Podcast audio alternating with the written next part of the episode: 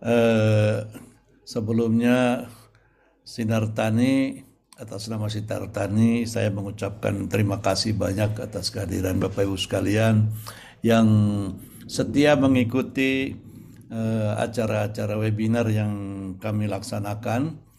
Dan eh, pada hari ini kita akan bercerita tentang uh, isu lama ya sebetulnya itu penggerek batang padi hama yang sudah kita kenal sebelumnya.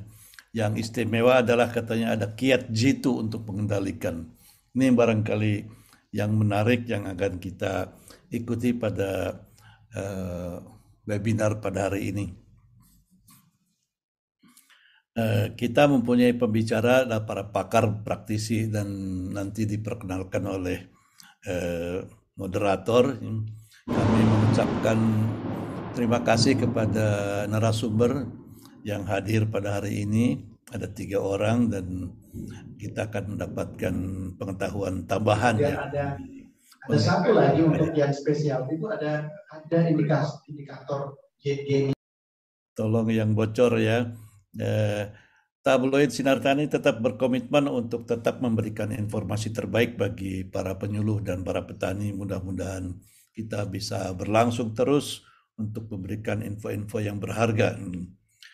Eh, tetap setia dengan tabloid Sinar Tani, baik cetak maupun PDF dan web. Kita juga mempunyai TV Tani dan semua yang kita lakukan dalam webinar ini direkam di dalam TV Tani dan bisa kita ikuti di YouTube ya.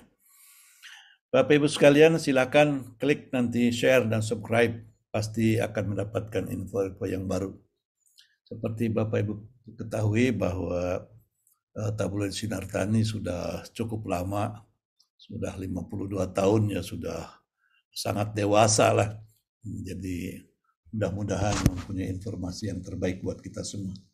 Baik Bapak Ibu sekalian, eh, kita berbangga menerima amanah untuk mendistribusikan informasi ini dan sekarang kita akan mulai. Saya persilahkan Pak Moderator, Pak Mulyono Mahmur untuk eh, memandu acara ini. Silakan. Assalamualaikum warahmatullahi wabarakatuh. Salam. Terima kasih Pak Mehmet. Bismillahirrahmanirrahim. Assalamualaikum warahmatullahi wabarakatuh. Bapak Ibu yang kami hormati, syukur Alhamdulillah kita kembali bertemu di forum Sinar Tani yang kita biasanya hari Rabu. Tapi sekarang mungkin kita diselenggarakan di hari Kamis ini.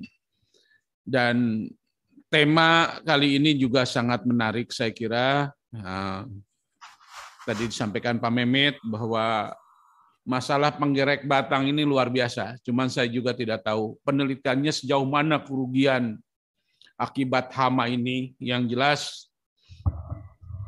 kalau hama ini sudah mewabah itu hampir kalau umpamanya di Jawa Barat saja. Kalau mulai ada serangan kupu-kupu itu dari mulai dari Cirebon ke Indramayu ke Subang Kerawang terus merembet jadi artinya terbawa itu dengan lampu truk maupun lampu kereta gitu. Bapak sekalian, untuk membahas ini kita akan menampilkan tiga pakar ya, tiga narasumber, yaitu Profesor Dr. Insur Dadang MSc. Beliau adalah guru besar di bidang proteksi tanaman IPB University. Yang kedua Pak Agus Suryanto, beliau adalah Senior Crop Management PT FMC Agriculture Manufacturing. Dan yang ketiga ini pelakunya Pak Haji Otong Wiranata, SPMM. Beliau adalah ketua 9 KTNA, kontak tani nelayan andalan. Beliau adalah pelaku di lapangan dan merupakan juga ketua 9 dan kalau nggak salah beliau juga ketua KTNA Jawa Barat. Uh, untuk mempersingkat waktu, saya kira kita akan mulai saja Uh, yang pertama kami ingin mengundang Prof. Insinyur Profesor Dr. Insur Dadang MSc. Sudah hadir Pak Dadang? Sudah? Ah? Waduh, baru potong ya.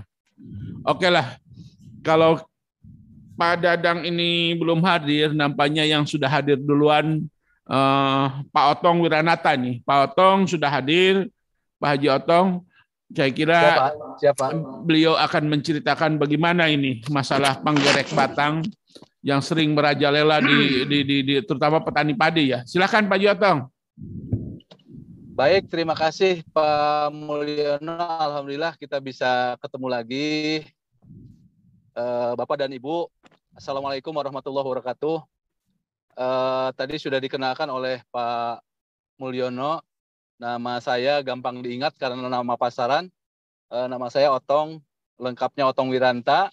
Saya uh, petani dari Kabupaten Subang, tepatnya di Pantura, Subang yaitu Sukamandi. Uh, selamat siang buat Bapak dan Ibu semua yang mohon maaf uh, saya tidak bisa sebutkan satu persatu Pak Mehmet juga alhamdulillah terima kasih banyak Pak. Terima kasih Pak. Uh, saya dalam kesempatan ini ingin menampilkan bagaimana penanganan pengendalian penanganan dan pengendalian penggerek batang pada tanaman padi yang uh, biasa dilakukan oleh para petani. Uh, tentu ini berdasarkan pengamatan dan pengalaman kami di lapangan karena e, ternyata memang penggerek batang itu adalah salah satu e, hama yang sangat penting untuk diperhatikan dalam usaha budidaya tanaman padi. Bapak dan Ibu, e, itu adalah yang e, apa singkat judul yang akan saya bawakan. Selanjutnya, e, kebetulan tadi juga disebutkan oleh Pak e, Mulyono bahwa saya uh, tergabung di uh, juga di kelompok KTNA. Apa itu KTNA? KTNA adalah uh, slide selanjutnya adalah kumpulan para petani dan nelayan yang terdiri dari kontak tani, tokoh tani, dan tentu yang menjadi andalan dari para petani lainnya. KTNA juga terpilih untuk mewakili kelompoknya dan masing-masing mempunyai keahlian dalam bidangnya serta memiliki jiwa semangat pelopor dan patriotisme dalam meningkatkan kesejahteraan petani dan nelayan. Sedangkan eh, kontak tani sendiri adalah ketua kelompok tani yang dipilih anggota secara musyawarah atas dasar eh, mempunyai kelebihan tentu di dalam kelompoknya itu. Eh, Bapak dan Ibu pasti di sini juga banyak penyuluh, jadi saya alhamdulillah juga saat sampai saat ini masih tercatat resmi sebagai ketua kelompok tani. Jadi eh, saya tercatat resmi di Simuluhtan masih masih tercatat sebagai eh, ketua kelompok tani. eh, selanjutnya, slide selanjutnya, Mbak. Selanjutnya eh, kita mengulas kepada hama utanama tanaman padi. Kita tahu bahwa uh, petani dalam mengusahakan uh, usaha tani padi ini banyak sekali uh, tantangan dan hambatannya. Salah satunya adalah hama. Saya coba urutkan ini uh, berdasarkan pengalaman petani terhadap uh, cara penanggulangannya yang paling susah. Ternyata yang pertama itu tikus gitu. Kenapa tikus? Karena kalau misalkan sudah diserang tikus itu tanpa ampun lagi gitu. Tanpa ampun lagi eh, sampai dengan kerusakan 100%. Itu eh, sangat sulit. Yang kedua yang menjadi topik dalam pertemuan kali ini ternyata penggerek batang di urutan kedua. Kenapa ini eh, ada di urutan kedua? Kita masih bisa uh, mendeteksi ternyata untuk penggerak batang ini. Walaupun kalau sudah terjadi serangan itu sangat susah karena penggerek batang ini ada di da di dalam uh, batang tanaman sehingga uh, susah sekali untuk dikendalikan. Yang ketiga adalah wereng. Wereng ini uh, tentu karena serangannya dari luar dengan sistem pengamatan petani akan lebih uh, mudah. Tinggal bagaimana rajin atau tidaknya petani tersebut. Yang keempat lembing batu.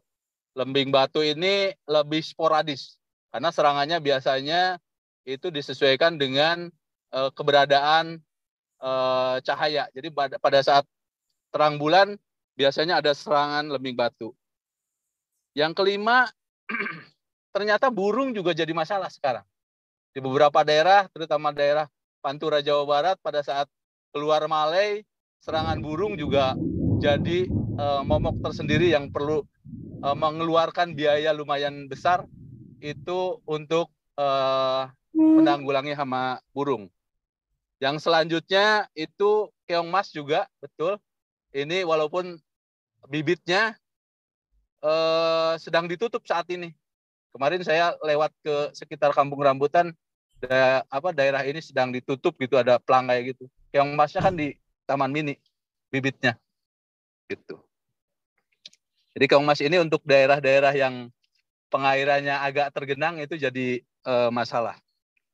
Saya kira itu uh, hama-hama utama yang uh, dihadapi oleh petani uh, khususnya tanaman padi. Mungkin daerah-daerah lain yang spesifik ada hama hama-hama lain yang uh, menyerang tanaman padi. Kita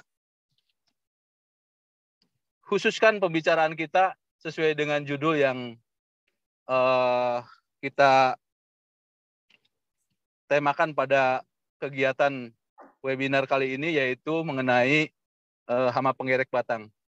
Ini adalah salah satu gambar yang saya tampilkan mengenai siklus hama penggerek batang tanaman padi. saya yakin uh, Bapak, Ibu semua sudah hafal betul bahwa uh, siklus tanaman siklus dari hama penggerek batang padi ini dia mempunyai uh, metamorfosa yang sempurna. Jadi ada mulai dari telur, terus larva, pupa sampai dengan ngengat atau kupu-kupu dewasa. Siklus hidupnya dalam satu uh, apa musim padi itu bisa menyerang dua kali karena dalam satu siklus uh, hama pengirik batang ini bisa 50 sampai 60 hari. Bagaimana uh, jenis penggerek batang itu sendiri. Jadi dalam umur padi sekitar 115 rata-rata itu bisa menyerang uh, dua kali. Ini menjadi uh, sangat yang harus diperhatikan bagi petani karena jika terjadi serangan seperti Pak uh, Mulyono tadi katakan itu akan sangat uh, merugikan bagi usaha budidaya petani itu sendiri. uh, sangat khas tadi dikatakan bahwa penggerek batang ini ngengatnya itu bisa bermigrasi jauh, apalagi pada saat uh, migrasinya itu dibantu dibantu oleh uh, cahaya. Kita tahu bahwa uh, walaupun hidupnya ngengat itu ternyata tidak tidak lama gitu, tidak lama. Jadi 5 sampai 7 hari saja eh, ngengat ini sudah sudah eh, mati gitu dan eh, dia menelurkan 2 sampai 3 telur walaupun hanya sampai eh, 5 sampai 7 hari. Disebutnya bukan telur tapi kelompok telur karena dalam eh, satu satu kali bertelur itu eh, menempatkan satu kelompok telur. Kelompok telurnya ada eh, yang menyebutkan 200 sampai 300 uh, eh, telur satu kelompoknya.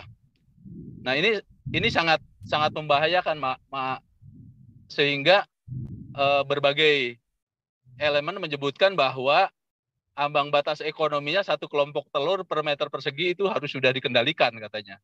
Eh, entah sekarang rekomendasinya berapa, tapi dulu uh, itu yang sempat saya baca itu satu meter per satu kelompok telur itu harus sudah dikendalikan. Malah ada beberapa uh, literatur yang menyebutkan bahwa uh, kelompok telur itu bisa satu kelompok itu bisa sampai dengan 500. Bayangkan kalau misalkan itu menetas semua jadi uh, larva. Jadi dalam satu meter itu kurang dari 500 uh, apa malai malai padi sehingga akan bisa uh, merusak uh, semuanya.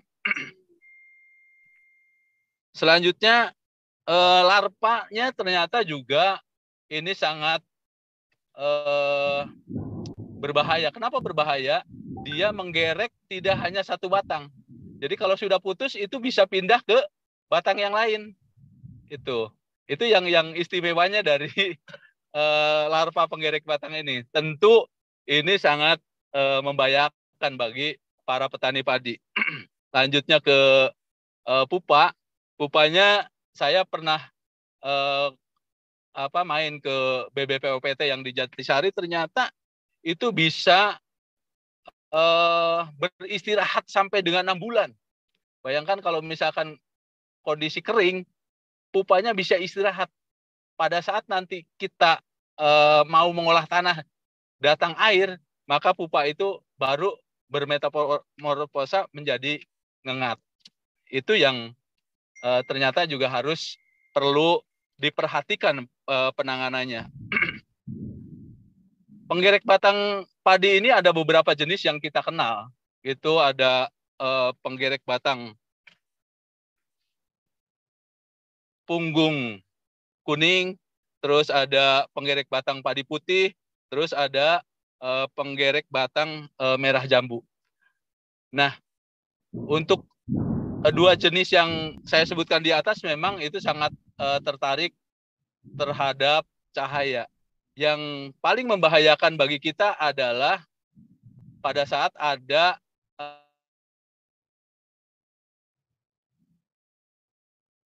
uh, serangan penggerek batang eh cahaya gitu. Salah satunya tidak terlalu tertarik oleh cahaya. Jadi uh, inangnya pun tidak hanya padi tapi juga eh, rumput-rumput liar yang ada di sekitar uh, sawah kita. Sehingga kadang-kadang kita para petani itu tidak melihat penerbangan tapi ada serangan di sawah. Itu yang yang uh, membahayakan. uh, slide selanjutnya akibat serangan penggerek batang ini itu ada dua jenis yang uh, timbul di lapangan. Yang petani mengenalnya itu pada masa vegetatif disebut sundep dan uh, masa generatif disebut beluk. Uh, cara kerjanya se sebetulnya sama yaitu memotong jaringan batang uh, tanaman sehingga uh, tidak tumbuh eh, lajimnya seperti tanaman yang normal. Jadi batang yang terserang itu akan ngeluntung eh, didahului oleh kuning, terus nanti lama-lama mengering dan jika jika dicabut itu biasanya akan copot, akan copot sama saja seperti eh, serangan beluk pada saat masa generatif. Jadi eh, karena batangnya dipotong oleh larva tersebut sehingga pada saat kita mencabut uh, apa malai yang tidak berisi dan berwarna putih itu akan uh, copot dari tangkainya.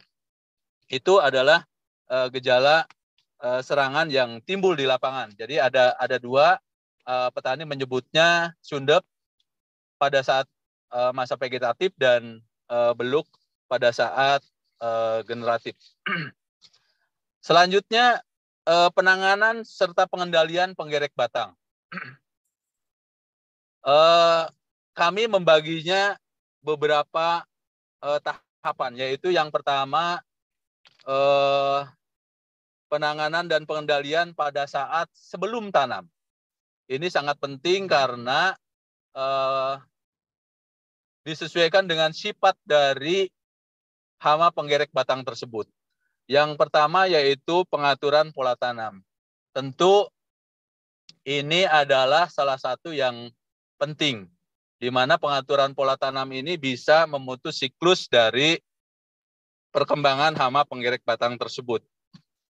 Tetapi eh, ini juga tentu harus disesuaikan dengan kebijakan-kebijakan yang diambil oleh eh, Kementerian Pertanian. Sementara saat ini Kementerian Pertanian sedang menggalakkan kegiatan uh, OPIP, optimalisasi peningkatan indeks pertanaman dengan uh, padi, padi, padi. Malah kalau bisa IP 400 yaitu padi, padi, padi dan padi lagi gitu. Nah, ini ini memang eh, pengaturan pola tanamnya tentu tidak bisa diatur sehingga eh, penanganan yang lain yang tentu yang yang perlu dilakukan. Selanjutnya yaitu sanitasi lingkungan.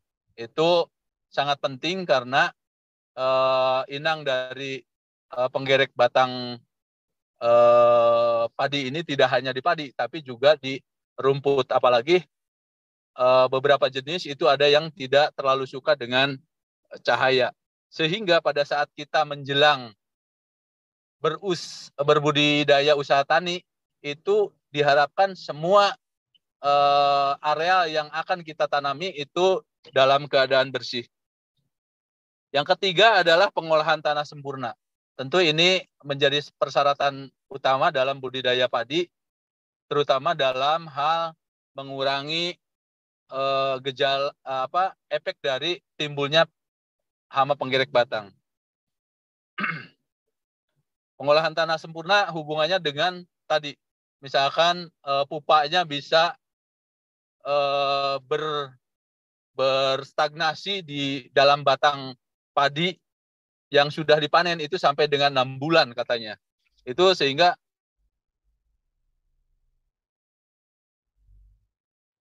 pengolahan tanahnya harus uh, sempurna, minimum tillage gitu. Yang selanjutnya yaitu perendaman air. Ini juga sangat perlu sehingga nanti kalau misalkan ada pupa ataupun larva yang masih tersisa dengan perendaman air itu bisa uh, mati dan tidak bisa berkembang biak.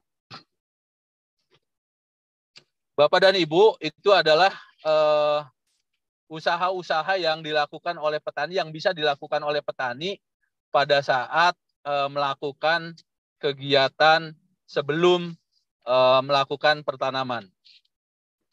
Yang selanjutnya adalah pengendalian secara fisik dan mekanik. Ini adalah hal-hal yang bisa kami lakukan di lapangan dan tentu mudah-mudahan ini jadi terbiasa. Yang pertama yaitu pengambilan kelompok telur. Pengambilan kelompok telur ini sangat penting karena kita tahu tadi sudah disampaikan bahwa kelompok telurnya bisa sampai 200 sampai 300 ekor larva per kelompok telur. Bayangkan kalau misalkan menetas semua. Ini sangat penting. Bisa dilakukan dari mulai pembibitan. Karena pembibitan ini salah satu awal dari mulainya uh, penyerangan penggerek batang. Jadi di pembibitan ini lebih mudah mendeteksi untuk melakukan pengendalian secara fisik, secara fisik, yaitu dengan memotong ujung dari tempat disimpannya kelompok telur. Kelompok telur uh, penggerek batang pada uh, pada tanaman padi biasanya ditempatkan di ujung bagian atas, bagian dalam dari eh, daun si tanaman padi tersebut. Sehingga sebetulnya dari kejauhan pun kelihatan bahwa oh ada kelompok telur penggerek batang.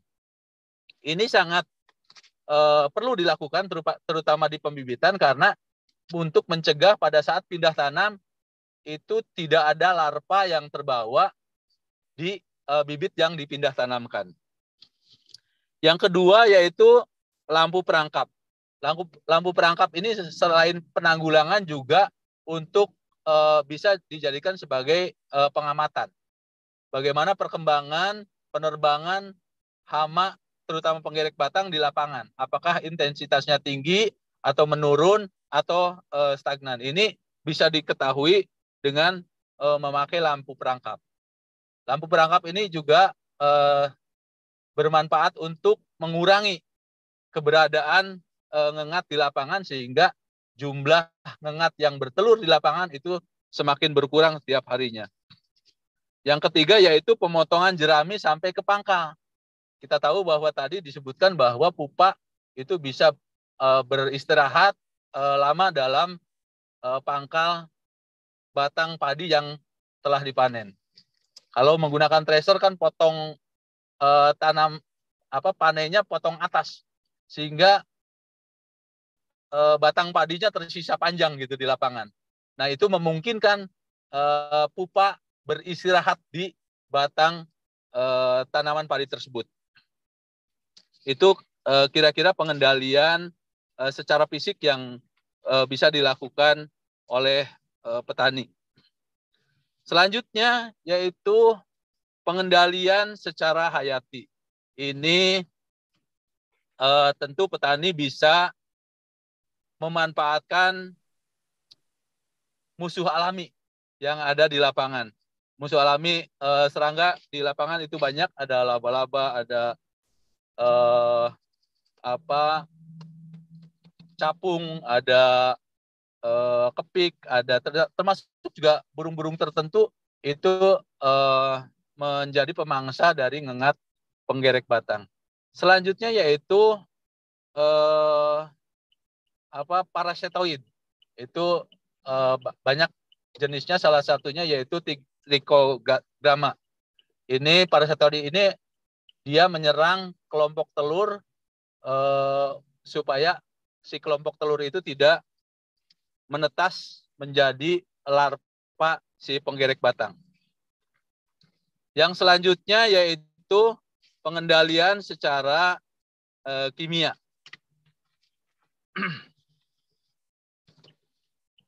pengendalian secara kimia itu diawali oleh eh, kebiasaan yang dia dilakukan oleh petani yaitu sistem pengamat ada dua cara eh, pengendalian menggunakan eh, kimiawi itu yaitu sistem pengamatan serta sistem eh, berkala.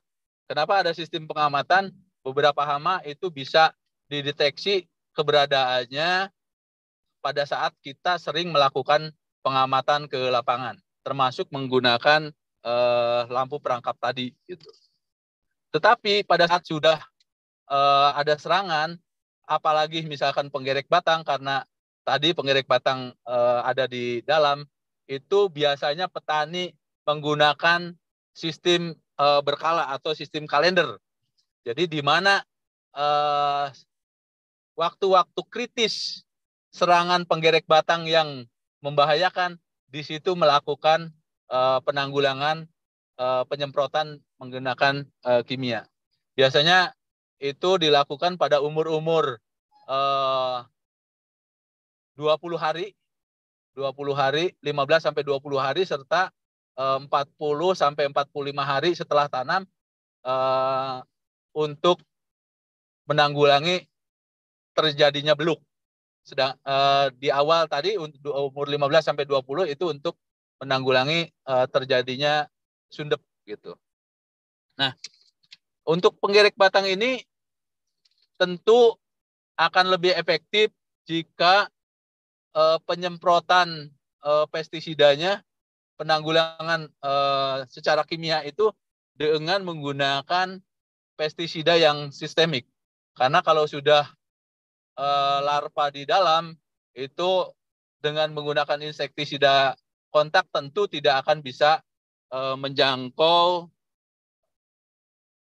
apa hama tersebut karena ada di dalam. Uh, sekarang malah ada yang katanya uh, cara kerjanya itu translaminar gitu. Jadi menembus jaringan uh, tanaman sehingga bisa menjangkau uh, hama tersebut yang ada di uh, dalam tanaman. Selanjutnya tentu uh, kita inginkan petani bisa menggunakan uh, pestisida yang selektif, selektif dan bijaksana. Kenapa uh, ini perlu? Karena uh, biasanya petani itu selalu ingin puas dengan apa yang dia uh, lakukan gitu. Nah, jika puas tersebut itu biasanya menggunakan uh, insektisida insektisida yang kontak, padahal uh, hamanya ada di dalam tanah gitu, sehingga tidak selektif akhirnya, padahal kehamanya juga tidak uh, apa sesuai dengan yang diharapkan. Bijaksana tentu uh, kalau bisa itu gunakan uh, pestisida atau insektisida yang uh, ramah lingkungan sehingga mengurangi uh, apa musnahnya musuh alami yang ada di lapangan. Ini tentu uh, kita yang yang diharapkan uh, itu pada saat uh, melakukan penanggulangan terhadap penggerek batang. Banyak uh, saya coba sebutkan uh, bahan aktifnya yang biasa banyak petani gunakan untuk menang, menanggulangi uh, penggerek batang yaitu di antaranya kalau yang uh, tabur itu ada karbopuran, terus yang uh, spray itu ada dimehipo, terus juga ada yang terbaru kalau tidak salah itu uh, saya pernah coba juga ternyata sangat efektif itu adalah jenis dari yang berbahan aktif klorantranilipol ya. Ini uh, ternyata juga didahului oleh uh, oleh yang cair sebetulnya. Yang cairnya juga uh, kelihatan sangat efektif pada saat uh, diaplikasikan untuk penanggulangan penggerek batang. Saya kira itu Bapak dan Ibu penggerek batang ini adalah salah satu hama yang menjadi apa tantangan utama bagi para petani padi. Siklus hidup hidupnya kelihatannya terus menerus karena uh, serangannya di daerah-daerah yang endemis, terutama di Pantura Jawa, di antaranya daerah-daerah sentra padi itu pasti jadi uh, daerah yang endemis terhadap uh, serangan penggerek batang uh, padi ini. Saya kira itu sementara yang bisa saya sampaikan. Uh, mohon maaf kalau misalkan kurang uh, pas karena saya kebetulan sambil jalan habis, uh, habis ada acara di uh, Ciamis. Terima kasih uh, Bapak dan Ibu. Sementara itu yang bisa saya sampaikan, saya tutup dengan Assalamualaikum warahmatullahi wabarakatuh. Warahmatullahi wabarakatuh. Terima kasih Pak Haji Otong. Nampaknya ini juga pencerahan bagi kita karena beliau adalah pelaku utama yang di lapangan. Ya, cuman tadi kapan sebetulnya tepatnya penyemprotan tadi kan kalau masih di dalam telur mungkin agak sulit juga ya menembus telur. Begitupun setelah ya, telurnya menetas terus dia masuk berlindung ke batang padi sulit juga aja. Jadi artinya harus tepat eh, kapan itu di, di, di, di, disemprot kontak tentunya yang kontak yang itu kan eh, mungkin ketika telurnya menetas baru disemprot gitu ya potong ya mungkin ya, hmm, ya. Uh, jadi jangan uh, nunggu sampai dia masuk Pak, ke batang uh, gitu ya. Uh. Iya. Halo. Gini Pak, uh, kalau yang kontak itu lebih efektif untuk ngengat sih sebetulnya. Tapi yeah. kalau misalkan bapak-bapak mau, bapak dan ibu mau, itu kita bisa Eh, mengambil sampel kelompok telur. Ya. Sampel kelompok telur dibawa ke rumah. Ya. Dibawa ke rumah, masukkan ke plastik. Di hmm. saat di rumah menetas, pasti di lapangan menetas. Segera kendalikan. Itu segera, di situ bisa. Segera disemprot ya Pak ya? Iya, segera dikendalikan Pak, betul Pak. Ya, oke. Okay. Ini satu pengalaman petani tentunya itu ada yang tepatnya kapan, dosisnya ya, berapa dan sebagainya. Nanti kita gali terus karena memang ini uh, sangat merugikan petani hama ini. Baik sekalian, uh, Prof. Dadang sudah hadir? Hadir, Pak. Saya kira Pak Dadang, Profesor Dadang. Uh, silahkan Pak, uh, uh, pemaparannya. Kami silahkan waktunya. Baik, terima kasih uh, atas waktunya. Assalamualaikum warahmatullahi wabarakatuh. Selamat sore Bapak Ibu sekalian, salam kenal dan salam sehat selalu untuk kita semua. Uh, mungkin langsung saja ya, share screen ya. Oke, nah ini saya senang sekali nih tadi Pak Otong sudah menyampaikan banyak begitu ya. Jadi nanti saya uh, akan saya skip dan mungkin mengisi relung-relung yang masih kosong saja nanti gitu ya. Nah, nanti untuk yang kimia eh, saya tidak banyak bahas karena nanti akan disampaikan oleh Pak Agus saya kira ya sehingga nanti biar kita saling ber, apa, berbagi peran dan tentu saja nanti kita dalam diskusinya bisa kita sama-sama kita simak. Baik, silakan dilanjut next.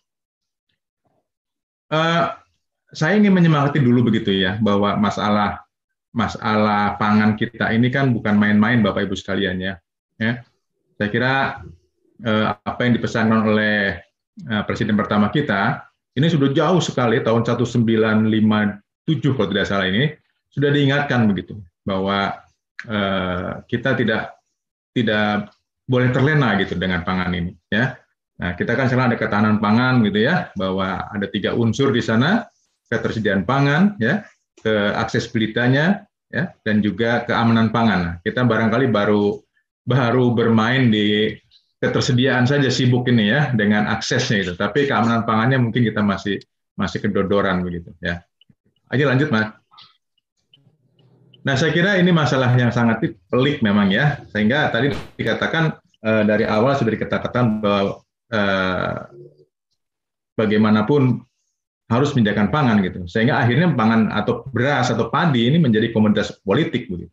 Saya kira ini sudah kita paham lah ya semuanya. Dan yang luar biasa ini setiap tahun meningkat ini Pak. Kasihan nih Kementan ini sebagai mesin produksi begitu ya. Nah, sebetulnya harus kita lihat supply demand-nya begitu ya. Harusnya demand-nya juga ditekan nih ya. Demand-nya ditekan sehingga supply-nya bisa bisa kita tekan juga gitu lah. Kalau demand-nya terus meningkat, dan supply-nya kan juga harus meningkat begitu. Nah, gimana cara demand ya? Mungkin dengan diversifikasi, dengan menekan angka apa kelahiran misalnya begitu kan, sehingga uh, supply-nya tidak terlalu besar. Gitu. Kalau sekarang kan luar biasa ini, ya. Kemudian, nah kita kita tahu sendiri lahannya kan relatif tetap ini, ya. Lahannya relatif tetap gitu, ya. Jadi input produksi semakin mahal kan, ya dari mulai pupuk, ya, pestisida sekarang hampir 100 sampai 200 persen meningkat harganya itu ya gara-gara COVID kemarin ya Demikian juga dengan pupuk misalnya seperti itu. Harga juga yang sulit diprediksi nih, kadang-kadang tinggi ya, tiba-tiba datang ke petani harganya rendah begitu kan ya. Saya baru beberapa hari kemarin datang, aduh Pak payah nih harga sekarang ya. Apalagi terus hujan gitu kan. Nah, nah jadi memang eh, Bapak Ibu sekalian ini eh, apa dalam usaha padi ini ya, ini luar biasa. Nah, yang terakhir ini saya kira tenaga kerja kita semakin menurun ini ya. Hasil survei kami eh, rata-rata memang sekarang uh, luar biasa ya, semakin usianya semakin tua petani padi ini dan tenaga muda semakin tidak ada dan tidak terlalu banyak orang yang tertarik untuk menanam padi. Lanjut mas. Kita khawatir saja ini ya. Jadi jangan sampai nanti apa yang disampaikan oleh Pak apa Kiai kita ini ya, bahwa termasuk tanda kiamat itu ketika orang sudah tidak mau bertani begitu ya. Nah, ini repot ini nanti kita ini ya. Ini harus kita perhatikan pesan inilah ya. Makanya sahabat-sahabat tani ini memang jadi pejuang pangan betul ini Pak eh, Pak Mehmet barangkali ya. Harus kita eh, ini kan apresiasi kepada rekan-rekan sahabat tani kita yang masih mau berjuang untuk menginikan walaupun apa namanya eh, tantangannya luar biasa. Oke lanjut Mas, ini untuk menyemangat dulu lah saya kira. Oke, lanjut. Nah, ini yang menarik begitu. Kalau kalau dari survei kita 270 juta tadi tahun 2020 begitu ya. Dan kebanyakan itu di Jawa itu. Ya 56 persen kita itu udah di Jawa gitu. Ya. Nah, bayangkan Bapak Ibu sekalian, di Jawa udah tumplek semua, produksi beras juga kebanyakan di Jawa begitu. Sehingga jangan heran kalau eh, alih fungsi lahan ini semakin menjadi-jadi begitu, ya. Nah, sementara untuk mengadakan yang kita sebut sebagai perluasan area ekstensifikasi di luar Jawa ini juga tidak semudah yang kita dengung-dengungkan begitu ya. Nah, barangkali uh, semua orang sudah tahu lah ya. Nah, kita lihat harapannya tenaga muda ini banyak di pertanian. Kalau kita lihat sini tenaga muda kita berapa cukup banyak ya. Nah, kita dapat apa itu bonus demografi, tapi nah kebanyakan di tempat lain bukan ke pertanian begitu ya. Oke lanjut Mas, ini uh, ini saja bagaimana hambatan kita. Nah ini yang menarik ya. Kami ada webinar membahas tentang uh, pangan masa depan dan masa depan pangan. Kita punya proyeksi bukan lima tahun gitu ya, tapi kita punya proyeksi itu sampai 50 tahun ke depan. Sangat jauh sekali gitu ya. Jadi kalau 4,0 kita 50,0 gitu berpikirnya ya. Nah, ternyata ada tiga hal yang sangat diinikan oleh masyarakat uh, ilmiah yaitu tentang hambatan yang akan terjadi yaitu OPT menjadi ancaman utama bersama dengan perubahan iklim dan kesuburan lahan. Saya kira webinar-webinar tentang OPT ini memang perlu terus di, di, digaungkan begitu ya, bukan untuk menakuti, tapi menyikapi bagaimana kita menghadapinya begitu. Ya, itu yang paling penting kan, Pak ya. Jadi kita siapkan senjatanya ya, jangan sampai nanti kita eh, terlena begitu buat termasuk banyak OPT-OPT baru sekarang ini. Ya, OPT yang tidak ganas sekarang lebih ganas begitu. Kenapa? Ada perubahan iklim yang terjadi seperti itu. Nah, ini jangan sampai eh, barangkali kita eh, apa mengabaikan masalah ini gitu. Jadi ini diingatkan ini sudah kita ya. OPT, perubahan iklim dan kesuburan lahan saya kira menjadi hal yang sangat penting untuk ke depan di dalam pertanian kita. Lanjut. Nah, tadi sudah Pak Otong menyatakan ada berapa eh, hama-hama pada padi itu ya yang paling penting tadi ya, gitu ya. Ya memang kalau ngelihat dari urutannya, ya memang lima besarnya seperti itu, ya tikus, blas, ya, eh, bakteri ya, hawar daun, kemudian warang coklat, dan penggerek gitu. Itu lima, lima, lima besar lah ya yang sering terjadi di beberapa tempat dan selalu uh, muncul begitu ya uh, apa serangannya begitu sehingga uh, ya memang tadi mungkin ada burung, ada keong ya itu pun menjadi hama-hama yang uh, semakin berkembang sekarang ini. Lanjut Pak. Oke. Nah, Bapak Ibu sekalian, saya ingin mengajak Bapak Ibu sekalian untuk melihat sedikit ya uh, apa namanya bagaimana sih hama itu berkembang begitu. Jadi kita bukan hanya melihat hama seperti apa, tapi bagaimana dia berkembang. Nah, hama itu berkembang, ya, orang coklat, penggerek, itu pasti ada dua faktor, yaitu faktor internal, faktor internal itu yang ada pada OPT tersebut, ya, kalau serangga ya di sini ada siklus hidupnya. Jadi siklus hidupnya kan tergantung nih, ada orang coklat pendek itu, ya, berapa uh, hari, misalnya satu minggu dia sudah menjadi imago lagi. Ya, tapi seperti penggerek mungkin uh, satu sampai dua bulan dia siklus hidupnya begitu. Ya, gitu. Jumlah telurnya ada yang sangat banyak sekali sampai ribuan. Ya, gitu. Kemudian jantan betinanya. Ya, nah, kalau betina lebih banyak dihasilkan, berarti telurnya siklus lebih banyak. Nah, bayangkan ya kalau siklus hidupnya pendek, jumlah telurnya banyak, jumlah betinanya lebih banyak pada jantan, maka perkembangan hama itu akan luar biasa. Ya, ini kutu daun nih biasanya ya. Kalau di di tanaman-tanaman yang kutu daun ini biasanya begitu. Ya, kalau di sayuran itu ada hama putela namanya itu. Ya, nah di warna coklat, eh, di padi warna coklat ini termasukin. Ya, dan serangga itu kan strateginya R begitu. Ya, kalau dia mendapatkan makanan yang enak, yang nikmat, maka dia akan berkembang lebih cepat seperti itu. Ya. Nah, sekarang ada faktor luar, ya. Nah, kita kalau faktor dalam kita tidak bisa bermain karena ini sudah pemberian dari Yang Maha Kuasa. Kita bisa mempengaruhi saja gitu, ya. Nah, faktor luar yang kita atur ini, makanannya misalnya ya, kualitas dan kuantitasnya, musuh alaminya karena bagaimanapun si hama itu pasti punya musuh alami ya setiap yang ada di uh, lapangan itu pasti ada musuh alaminya. Tadi Pak Otong sudah menyebutkan ada predator, ada parasitoid, bahkan termasuk juga patogen yang menyebabkan serangga itu sakit ya. Apakah itu virus, apakah itu bakteri ya. Nah, semakin banyak mereka di lapangan ya, maka kita harapkan mereka bisa mengatur populasi di lapangan dengan baik ya. Itulah yang disebut dengan jasa ekosistem Ya, itu ya. Tadi nanti kita lihat nih Pak Otong ada selektif penggunaan pestisida. Nah, itu salah satunya adalah pestisida itu bisa me mengendalikan hamanya tapi tidak mempengaruhi musuh alami. Nah, itu nanti yang yang harus dilihat selektivitasnya seperti itu. Kemudian lingkungan, ya. Tadi sudah disebut juga bagaimana serangga ini bisa bergerak sendiri kira-kira sampai 6 km. Kalau dia ada angin, itu bisa lebih jauh lagi ya bisa bisa 10 km, bisa sampai 15 km, dan hama ini tidak mengenal administrasi. Jadi bisa saja Kerawang, Subang, Karawang dia bisa masuk sembarangan itu, ya nggak lagi ada izin segala macam. Pokoknya ya namanya padi di mana pun kalau dia hinggap ya hinggap di sana. Tidak ada batas-batas administrasi yang harus dia patuhi, ya. Jadi kalau cuma Karawang, Indramayu, Subang, ya itu daerah-daerah yang sangat mungkin akan eh, apa namanya eh, sebaran dari hama ini ya gitu Nah, kita berharap mungkin uh, tidak terlalu banyak angin, misalnya begitu ya, hujannya lumayan gitu kan, sehingga patogen bisa berkembang gitu ya. Suhu juga tidak terlalu apa membuat serangga itu berkembang dengan cepat misalnya seperti itu. Itu harapan-harapan kita di lapangan seperti itu.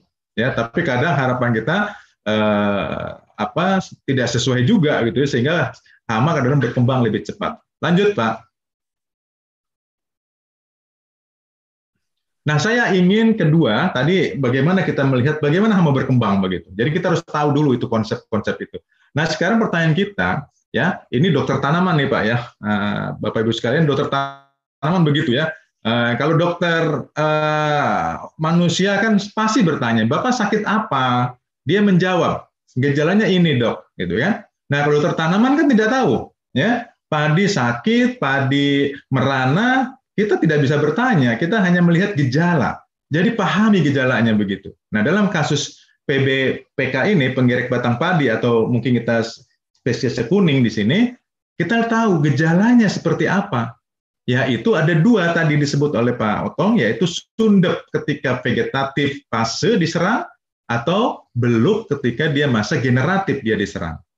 Hamanya sama, Bapak Ibu sekalian, sama dia. Ya, penggerek juga gitu. Tapi karena diserang pasiennya berbeda, kita hanya istilahnya saja itu, yaitu sundep dan beluk. Jadi ketika kita lihat, oh ini sundep, oh ini beluk, nah maka kita akan tahu siapa sebetulnya penyebabnya. Penyebabnya adalah penggerek batang padi. begitu. Nah, beda nanti kalau Bapak melihat malainya tidak terisi, tapi hanya nokta-nokta hitam. Oh, berarti itu walang sangit kerjaannya, bukan oleh si penggerek. Gitu kan? Atau di masa vegetatif ada semacam uh, tunas yang uh, seperti daun bawang. Ah, itu bukan kerjaannya si penggerek, itu ganjur, gitu kan? Nah, saya kira bahwa petani ini sudah hafal sekali lah yang begini-gini ya, gitu. Jadi udah udah ini sekali, ya. Nah, sekarang apa yang dilakukannya untuk ini? Yaitu ngengat. Tadi disebut ngengat ya. Nah, kalau kupu-kupu itu biasanya istilahnya untuk eh, apa? Ordo Lepidoptera yang di siang hari aktivitasnya dan warnanya cerah. Nah, itu kupu-kupu ya. Tapi kalau ngengat itu biasanya dari ordol juga, cuma dia kusam gitu ya, aktifnya di malam hari gitu. Nah makanya kita nyebutnya ngengat. Nah, tadi betul Pak Otong memang itu ngengat ya nyebutnya gitu ya. Nah jadi siapa itu ngengat? Nah apakah tadi dikatakan sempurna nih telur, larva, pupa, imago? Apakah semuanya menyerang? Tidak. Ya, yang kita tahu yang menyerang adalah larva. Jadi kita udah mulai fokus nih, ya larvanya dia. Lah kalau gitu kita hajar larvanya nanti, nanti dulu, nanti dulu, sedikit-sedikit dulu ya. Nah, bagaimana perilakunya? Ternyata dia telurnya di daun. Gampang tadi Pak Otong lihat, gampang dilihat telurnya itu kan, di persemaian bisa kelihatan, di pertanaman bisa kelihatan, ya. Pupa, ah pupanya repot ini, pupanya ada di dalam pangkal batang. Ya, nanti kita bisa ini kan juga gitu kan. Nah, imagonya terbang, ya imagonya terbang tuh. Ya. Nah kita nggak mungkin ngejar-ngejar imago. Ya nggak mungkin. Ya gitu. Kita hanya bisa paling di sini telur. Ya yang bisa kita ini tapi imago bisa kita tangkap nanti dengan cara yang eh, tertentu tentu saja ya kemudian faktor lingkungan tadi sudah dikatakan apakah itu angin ya bisa membuat dia lebih jauh memencar ya apakah hujan mungkin lebih banyak yang busuk telurnya seperti itu ya Nah, baru nanti kita bicara strategi pengendalian seperti apa setelah kita tahu urutan tadi itu. Ya, kita tahu urutan tadi itu. Oke, lanjut Pak, biar biar agak cepat ini ya. Nah, ini tadi sudah ya, ada enam kita punya di Indonesia, tapi empat yang paling banyak, yaitu padi kuning, padi putih, merah jambu, dan bergaris. Nah, saya mohon nanti yang Pak Otong tadi dibilang itu dia bisa beristirahat, sebetulnya itu hanya yang putih, Pak ya. Jadi penggerek batang padi putih dia mempunyai kemampuan berdiapos, ya. Itu bisa lama memang, ya. Tapi kalau yang kuning, yang merah jambu bergaris dan lainnya itu uh, tidak mempunyai kemampuan untuk berdiapos atau beristirahat. Ya. Jadi memang hanya yang putih. Dan kebetulan di lapangan kebanyakan memang adalah yang kuning, gitu ya. Oke, lanjut. Nah, mengapa ini? Ini yang harus kita perhatikan. Mengapa ini menjadi hama yang penting? Bapak Ibu sekalian, kalau hama ini menyerang fase vegetatif, maka bisa kita katakan akan sangat mengurangi terjadinya pembentukan eh, anakan produktif. Bayangkan, ya kita selalu apa namanya me, me, membanggakan anakan produktif padi ini sampai 25, 30, 40, 50 anakan produktif misalnya begitu. Tapi ketika satu anakan itu diserang oleh larva ini, maka dia nggak bisa lagi membentuk anakan produktif. Ya, nah di situlah akan terjadi pengurangan nantinya. Tentu saja anakan produktif itu akan menghasilkan malai kan nanti. Nah kalau anakan produktif nggak terjadi, maka malai pun tidak akan terjadi. Ya, seperti itu. Nah kalau dia serang masa generatif, maka malai tidak akan terbentuk. Karena apa? Akan menghasilkan hampa yang warnanya putih, apa itu tidak merunduk. Ya, saya kira itu yang harus kita perhatikan. Ya, nah yang paling penting adalah imago ini dapat menyebar jauh. Tadi saya katakan aktif, itu dia sendiri bisa mampu sampai 6 km. Tapi ingat, imago ini tertarik cahaya. Ya. Nah, lalu lintas yang ada di sekitar pantura misalnya, itu bisa menjadi sarana dia untuk menyebar ke tempat lain. Ya. Dulu waktu kasus penggerek batang padi putih, itu ada di Jawa Barat, di Karawang dan ini. Tapi ternyata dia juga bisa sampai ke Jawa Tengah. Ternyata itu terbawa oleh bus-bus yang pada mampir di rumah makan, kemudian lampunya menyala, dia hinggap di bus, bersama bus dia pergi ke arah e, Jawa Tengah sana. Nah, dia malah enak itu. Dia tidak perlu tenaga, tidak perlu apa, dia cukup naik bus, ya menumpang bus, kemudian di sana dia baru e, apa e, masuk ke tanaman padi yang lainnya ya gitu. Nah itu yang disebut dengan yang eh, pasif ya, secara pasif ya gitu. Nah kemudian kerugian itu otomatis tergantung pada intensitas serangannya. Nanti kita lihat ya. Tindakan pengendalian untuk itu kita perlu kita lakukan untuk mencegah jangan sampai populasinya berkembang lebih tinggi sehingga kerugian menjadi lebih besar. Lanjut Pak. Ya. Saya kira ini saya tidak akan menjelaskan lagi. Tadi Pak Otong sudah sangat ini nah, apa panjang lebar menjelaskan ini. Jadi telur, larva, pupa, imago ya. Saya kira ini sudah. Ya kira-kira satu bulan sampai eh, empat puluh sampai dua bulan lah dia bisa ada di lapangan. Jadi satu siklus tanaman itu bisa dua dua penerbangan di sana ya. Dan dia biasanya eh, perhatikan eh, telurnya itu pada malam hari itu. Dan imagonya juga biasanya menet, apa menjadi imago di malam hari begitu ya gitu sehingga Nah, yang kita lihat tadi di pagi hari mungkin sudah ada eh, apa imago dan juga mungkin ada telur yang diletakkan seperti itu. Dan paling penting di sini adalah telur yang diletakkan itu tidak langsung menetas Bapak Ibu sekalian, dia perlu waktu. Ya, imago yang baru keluar pun tidak langsung meletakkan telur, dia perlu waktu sekitar dua hari untuk terjadi praoposisi namanya. Ya, telur yang menet, eh, yang diletakkan pun tidak langsung menetas. Dia butuh empat hari minimal sampai 10 hari, ya tergantung cuaca tentu saja. Nah ini kita manfaatkan ini, ya. Ini kan kalau kita mau perang kan kita lihat titik lemah ini. Jadi ada telur, tapi telur itu tidak langsung menetas, ya. Ada imago, imago itu tidak langsung meletakkan telur. Itu adalah masa-masa yang kita manfaatkan nanti dalam pengendalian, ya. Itu. Lanjut, Pak. Oke. Jadi apa yang harus dilakukan ini? Lanjutnya, nah, kita hanya berpikir saja dulu ya. Nah, saya kira saya membagi tiga saja lah. Sebetulnya tadi sudah di, diinikan juga oleh Pak Otong ya, terima kasih. Ini pemantauan. Nah, di sinilah pemantauan, Bapak sekalian penting nanti kan ya. Kemudian pencegahan, nah, kemudian pengendalian. Nah, yang perlu kita ingat Bapak sekalian, kalau Bapak Ibu melihat tanaman padi sundep, kalau Bapak Ibu melihat tanaman padi itu beluk, itu sebetulnya itu gejala yang serangannya sudah jauh hari terjadi di sana, bukan saat itu. Nah, ini masalahnya itu, ya, gitu. Jadi yang terlihat oleh kita saat itu adalah telur mestinya. Nah, ketika sudah melihat sunda, ketika sudah melihat beluk, itu adalah gejala serangan yang sudah terjadi serangannya pada beberapa hari yang lalu. Ya, sehingga tanaman kemerana pasti kan, karena dia nggak dapat suplai makanan, ya, seperti itu, ya. Nah, itu yang harus kita perhatikan tuh. Jadi kalau udah ngelihat itu namanya sundep, ah ini sudah terjadi serangannya, ya, begitu. Oke, lanjut. Nah, pemantauan ini ada dua, Pak. Ada langsung dan tidak langsung. Nah, di sinilah pentingnya kita.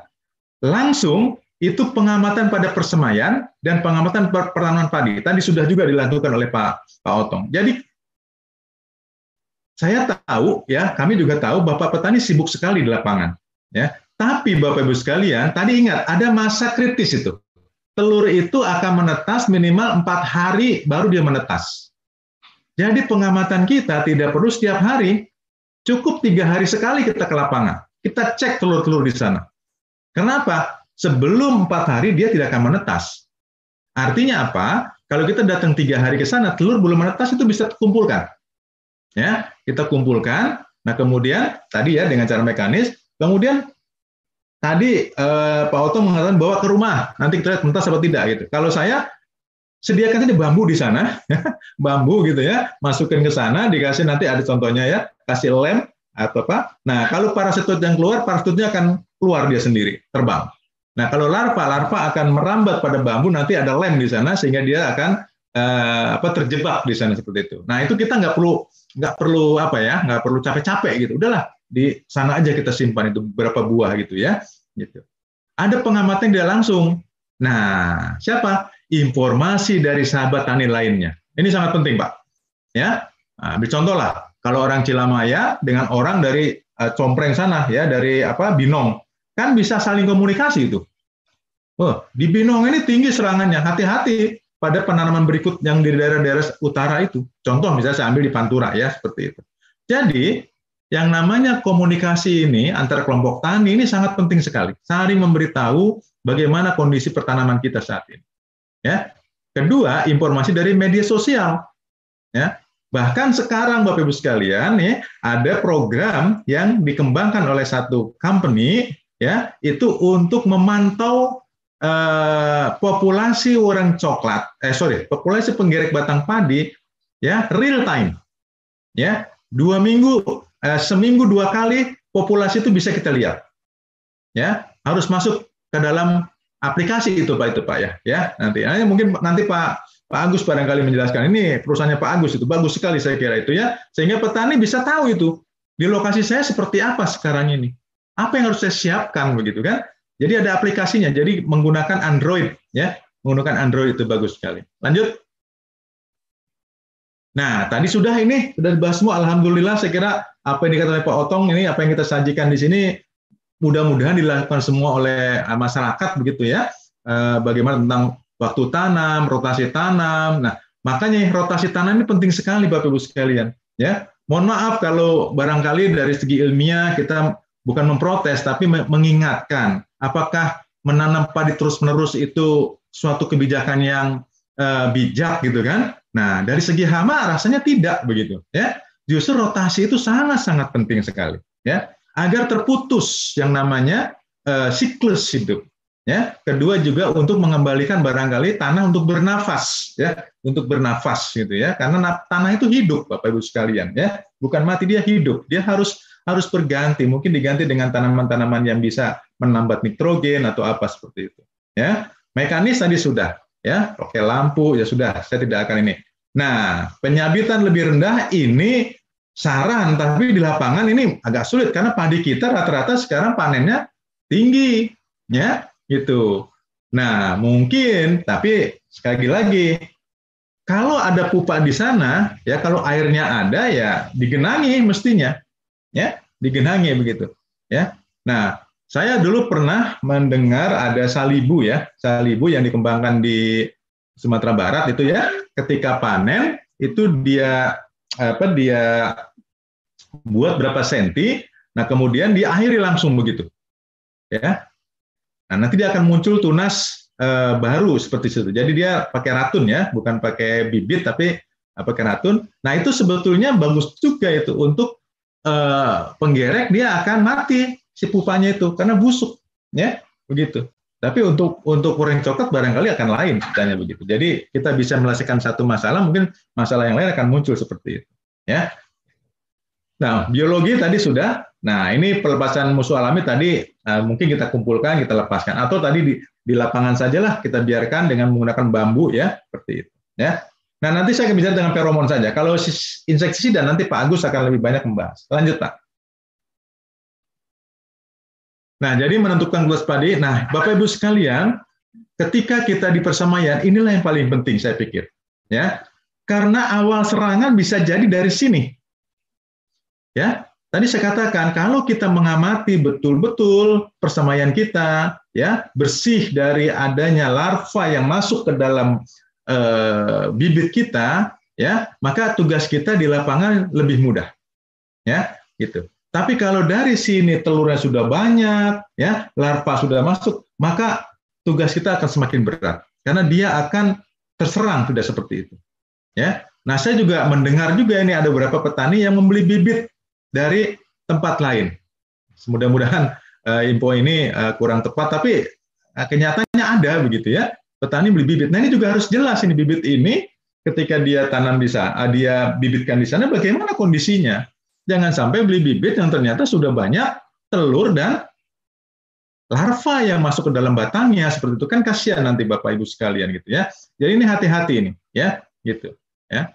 Nah, baik kemudian ada juga saya pernah melihat itu menggunakan jaring. Mungkin untuk yang uh, skala uh, sempit ya ya hanya satu kali sepuluh barangkali dia bisa menggunakan jaring begitu ya uh, untuk menghindari terjadinya investasi dari si uh, apa itunya kupu-kupu. Karena kupu-kupu ini kan cukup besar ya. Kupu ini cukup besar begitu. Beda dengan goreng coklat beda dengan uh, tungo yang kecil-kecil ya. Kupu ini cukup besar. Jadi kalau pakai screen yang cukup rapat dia nggak akan bisa masuk sebetulnya seperti itu ya gitu. Tapi ini lagi-lagi ya kalau untuk apa skala luas ya agak repot ya. Ini untuk skala yang uh, kecil oke okay, ya seperti itu. Atau dapat juga kita menggunakan uh, pestisida kita taburi di sana ya. Nah tentu saja untuk Eh, sesuai kebutuhan lah. Nanti Pak Agus Haryon, apa Agus Suryanto akan menjelaskan seperti itu. Lanjut nah. Nah ini tadi ya, tolong sebentar, sebentar Mas. Nah ini tadi yang bambu bawah ini gambar bawah ya. Ini kan kelompok telur ya. Nah itu bambunya kita kasih apa itu uh, lem ya seperti itu ya. Nah kemudian nanti si si apa apa namanya itu si parasitoid kalau yang keluar parasitoid maka dia akan akan terbang itu ya. Tapi kalau yang keluar larva maka dia akan merambat kan ya merambat ketika dia keluar dia nggak akan jatuh pasti kan dia akan kena lem dan sehingga dia akan terjebak di lem itu gitu. Nah jadi sebetulnya ini sederhana sekali tekniknya mudah-mudahan bisa diterapkan bisa membantu di dalam konservasi musuh alami. Jadi sebetulnya ini lebih banyak pada konservasi musuh alami di lapangan tanpa kita harus capek-capek membawa pulang ke rumah seperti itu ya di lapangan kita bisa pasang kita tapi ini harus telurnya harus kita ambil Bapak Ibu tidak mungkin telurnya diambil telur ini diambilin oleh kita, masukin ke bambu itu, ya, gitu. Jadi bukan telurnya dibiarkan, bukan. Ini diambil diambil dulu dari daun, masukkan ke sana, gitu ya. Itu syaratnya. Oke, lanjut. Nah, kemudian yang lainnya saya kira ini perlu kita lakukan adalah bagaimana pemantauan di lahan padi. Tadi sudah katakan ada kita bisa juga menggunakan sek feromon dan atau juga kita sekarang menggunakan mating disruption. Ya, saya mungkin fokus dua ini karena yang lain nanti akan diceritakan oleh Pak Agus ya. Nah, untuk daerah endemis, nah ini perhatikan sekali ya, bagaimana kita bisa menggunakan pestisida, jenis pestisidanya apa?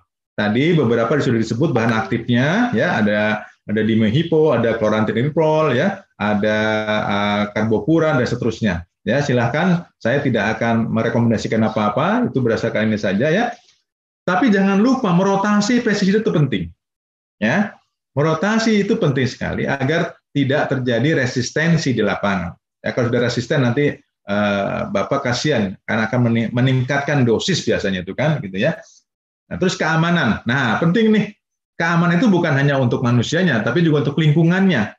Ya, maka pestisida-pestisida yang lebih ramah lingkungan barangkali menjadi pilihan nantinya ya seperti itu. Dan sekarang sudah banyak lah saya kira beberapa pestisida yang ramah lingkungan ya itu. Dan yang lebih penting adalah keaslian. Jangan yang palsu, karena banyak sekali yang palsu ini. Ya, sekarang kasihan, bapak udah beli beli pestisida tapi palsu gitu kan? Ya, dan legalitasnya. Hati-hati yang online shop itu ya, yang jual online itu kan nggak jelas bapak ibu sekalian. Kadang-kadang bahasanya masih bahasa kanji, ya, masih bahasa sana. Gimana kita mau tahu apa ini untuk apa untuk apa? Ya, belum tahu kita tahu isinya betul apa tidak itu. Ya, belilah yang yang memang sudah berizin, ya sudah berizin ada nomor izinnya. Karena itu sudah diuji, ya artinya itu kalau digunakan dengan benar, ya itu uh, baik untuk kita tentu saja begitu ya. Nah jadi harus berlabel Indonesia, berizin, ya dan sesuai untuk tanaman padi. Jadi masih banyak ini Bapak Ibu petani sekalian ya, teman-teman petani yang menggunakan pestisida sudah dilarang untuk padi. Mengapa dilarang? Karena salah satunya dia bisa meningkatkan resurgensi.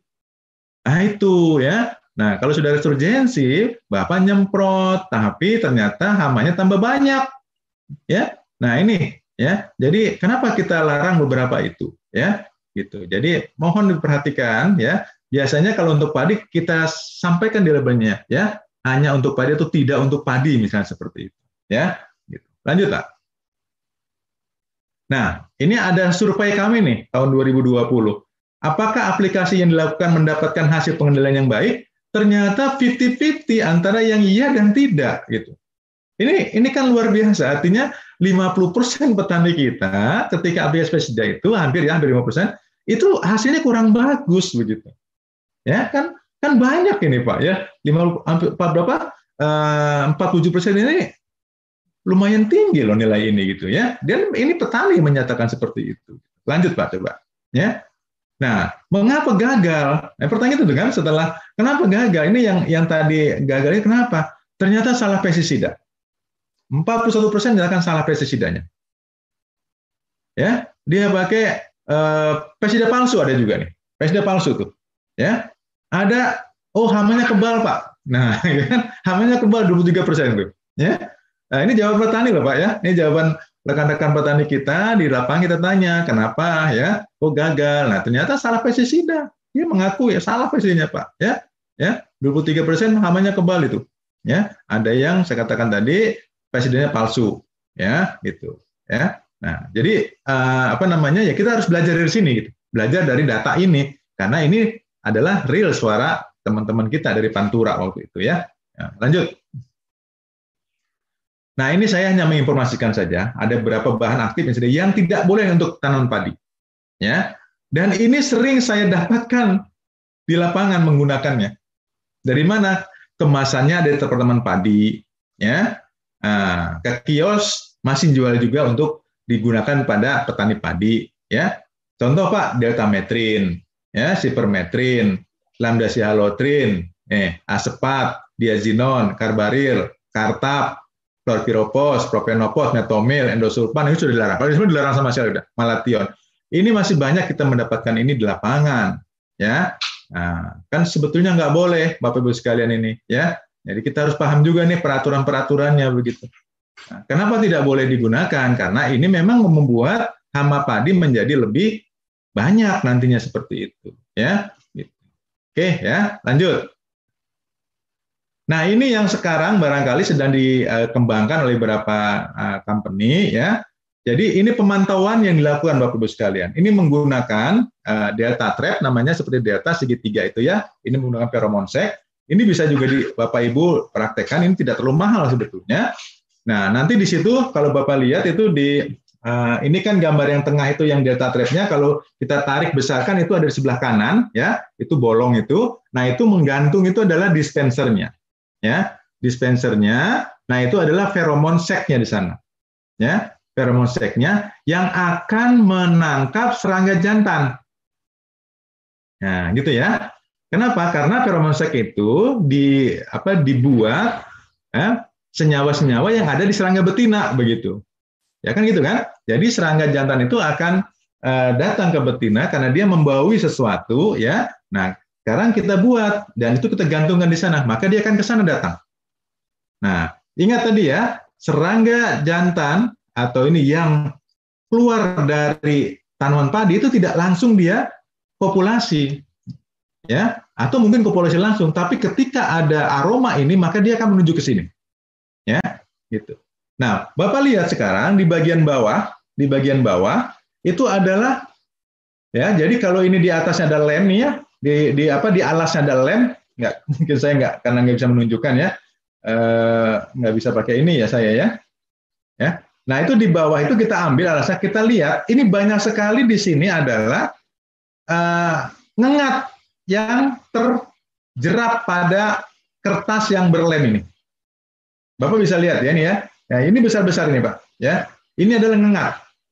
Nah, kita bisa bayangkan ini ini kalau tidak hanya tiga hari kita simpan Nanti tiga hari kita ambil lagi, simpan lagi, tiga hari simpan lagi seperti itu. Ya, ini menunjukkan bahwa di situ ya itu banyak ya uh, populasi penggerek di sana. Nah ini hati-hati ya. Jadi kita harus hati-hati di sana ada uh, penggerek seperti itu. Nah, nah uh, satu trap ini ini jaraknya radius 50 ke selatan, 50 ke utara, 50 ke barat, 50 ke timur. Jadi kira-kira 100 uh, ininya ya, apa namanya? Uh, radiusnya ya. Nah, nanti 100 lagi pasang lagi gitu. Nah, kalau lebih dari itu aromanya sudah tidak tercium, Pak. Ya, makanya harus ada ini. Jadi satu hektar ya harus beberapa disimpan. Dan ini bisa tahan sampai 4 sampai 3 eh, sampai 4 bulan. Jadi satu musim cukup satu kali, ya. Yang diganti adalah alasnya itu, ya. Alasnya itu sehingga bisa tertangkap di sana, ya, gitu. Trapnya bisa dipakai lagi tahun depan, musim berikutnya, ya. Nah, ini juga nggak nggak mahal, ya, gitu seperti itu. Ini untuk pemantauan, baik di persemaian maupun di eh, pertanaman seperti itu. Ya, lanjut mas. Nah kalau ini lain lagi, ini lain lagi ya. Kalau ini kita mengganggu perkawinannya. Kalau tadi jantannya kita tangkap suruh masuk ke perangkap, kalau ini namanya mating disruption, bagaimana kita mengganggu perkawinan dia. Ya, inilah teknologi Bapak Ibu sekalian. Saya katakan dulu saya belajar ini membayangkan sulit sekali rasanya untuk mengaplikasikan ini. Tapi sekarang ini sudah diaplikasikan, sudah banyak dilakukan orang. Jadi si jantan dan betina itu tadi ada feromon ya yang dikeluarkan oleh uh, betinanya misalnya. Nah itu diganggu pak, ya diselimuti oleh awan. Awan itu yang mengacaukan pertemuan mereka, ya mengacaukan pertemuan mereka. Nah jadi ini yang ada warna hitam ya di bambu ini ya, ini diikat begini saja nih, ya diikat begini saja. Nah ini satu hektar kira-kira jumlahnya 20 lah dengan jarak tertentu gitu ya. Nah, nanti dia akan menyelimuti tanaman padi kita di sana. Ya. Nah, memang ini masalah hambatannya adalah dia harus skala luas. Tidak bisa skala sempit, ya. Nah, paling tidak ini 4 5 hektar nih ya lahannya ya gitu. Jadi baru bisa terasa efeknya itu. Kalau cuman 1000 meter, 2000 meter ya nggak terasa ini ya gitu. Jadi memang ini untuk yang luas gitu ya. Nah, ini menggunakan mating disruption, sekarang sudah uh, banyak di beberapa negara digunakan, di Indonesia juga sudah mulai uh, dipasarkan seperti ini. Saya kira ini uh, apa bagian-bagian dari inovasi baru yang uh, di dalam perlindungan tanaman, ya, gitu. Lanjut. Nah, baik, saya tidak akan bercerita pestisida secara sintetik karena nanti Pak Agus sekali lagi Pak Agus akan bercerita nanti dalam diskusi kita bisa ini kan. Bapak sekalian, jadi serangan pengerek batang padi dapat sangat merugikan, sehingga tindakan pengendalian sangat perlu dilakukan terutama di daerah endemik ini. Hati-hati daerah endemik ya. Gitu. Pemantauan populasi baik di persemaian maupun di pertanaman padi sangat dianjurkan agar dapat dilakukan tindakan pengendalian yang tepat dan seawal mungkin sehingga populasi hama tidak berkembang lebih tinggi. Itu penting ya untuk kita camkan ya. Ketiga, penggunaan pestisida harus memperhatikan keefektifannya, efisiensi dan keamanannya. Ya, penggunaan pestisida yang tepat, legal, ya dan benar akan memberikan hasil pengendalian yang baik tentu saja. Kerjasama antar masyarakat tani sangat diperlukan mengingat mobilitas hama ini yang cukup tinggi. Tadi bisa berterbangan dia sampai sejauh 6 km. Itu belum lagi dengan bantuan-bantuan yang sifatnya tadi pasif ya, seperti angin atau kendaraan atau apanya. Gitu. Ya, lanjut Mas. Saya kira itu barangkali apa yang bisa saya sampaikan nanti dalam diskusi mungkin kita akan uh, lebih banyak lagi berinteraksi. Terima kasih uh, uh, atas waktu yang diberikan. Assalamualaikum warahmatullahi wabarakatuh. Waalaikumsalam. Terima kasih Prof. Dadang. Jadi saya kira semakin terang benderang ya kita ini tadi pemaparannya luar biasa bagaimana pengendaliannya dan seterusnya. Baik Bapak Ibu sekalian, untuk mempersingkat waktu saya kira eh, saya mohon Pak Agus Suryanto, beliau adalah senior manager PT FMC Agriculture Manufacturing. Pak Agus, oh ya sudah hadir. Silakan Pak Agus. Ya, uh, terima kasih Pak Mulyono sebagai moderator pada kesempatan ini. Uh, berterima kasih sekali kita semuanya di sini uh, kedatangan para pakar ada uh, Haji Otong sebagai uh, apa namanya praktisi ya tentunya ya. Terus kemudian juga ada ahlinya juga Profesor Dadang dan kebetulan beliau uh, kami sering uh, bersama-sama dalam mengedukasi tentang penggerek batang yang tidak kalah pentingnya adalah bagaimana penggunaan pestisida secara bijaksana di situ. Kata kunci kalau yang saya dapatkan dari beliau sebetulnya yang strong banget adalah bagaimana cara pengendalian yang tepat dan seawal mungkin sehingga kita bisa terhindar dari kerugian-kerugian yang tidak kita inginkan. Sebetulnya saya juga sudah menyiapkan beberapa materi yang secara garis besar sebetulnya juga uh, uh, tidak berbeda jauh dengan apa yang sudah disampaikan oleh Haji Otong, uh, berikut juga oleh uh, Profesor Dadang. Kalau mungkin boleh izin ditampilkan tentang share screen saya.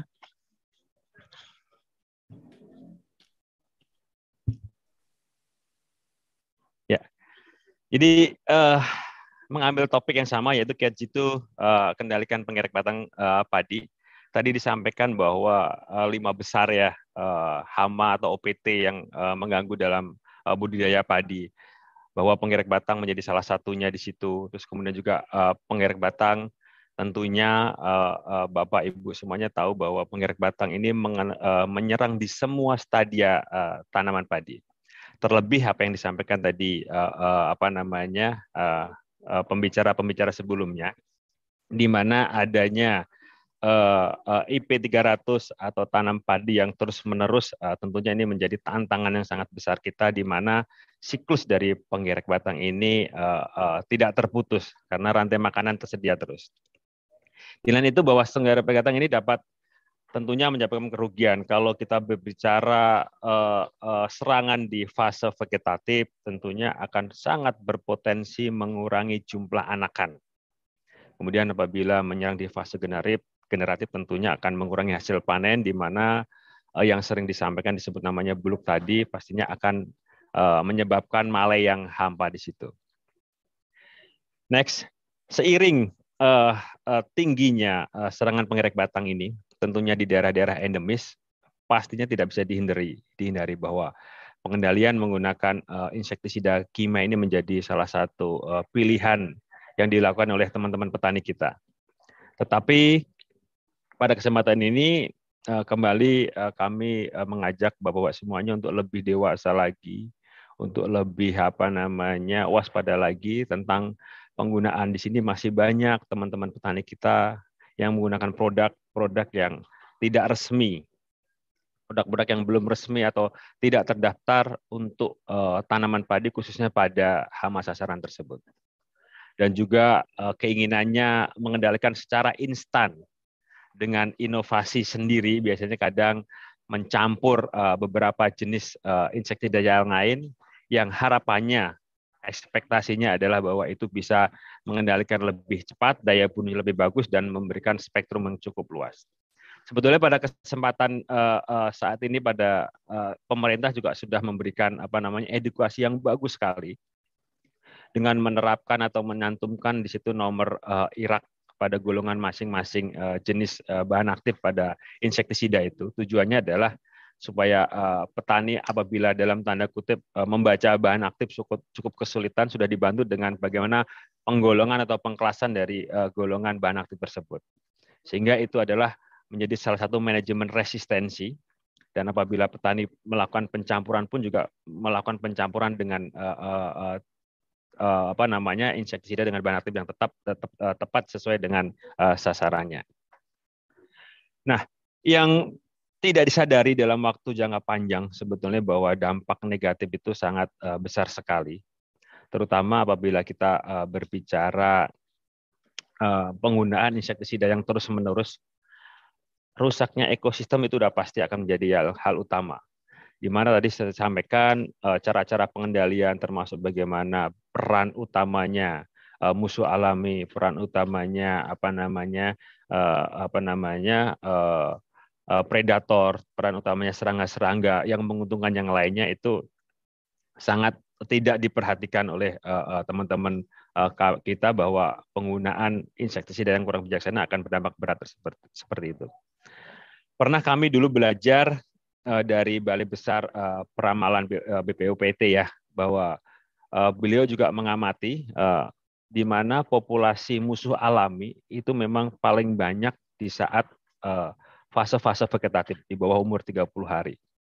Tetapi sering kita jumpai justru di bawah 30 hari itulah teman-teman petani banyak menggunakan insektisida semprot sebetulnya tidak bukan masalah insektisida disemprotnya, tetapi selama insektisida tersebut adalah uh, apa namanya berwawasan lingkungan dan tentunya selektif tidak uh, membunuh musuh alami atau apa namanya uh, predator tersebut, saya pikir itu tidak masalah. Tetapi kenyataannya adalah sebaliknya seperti itu.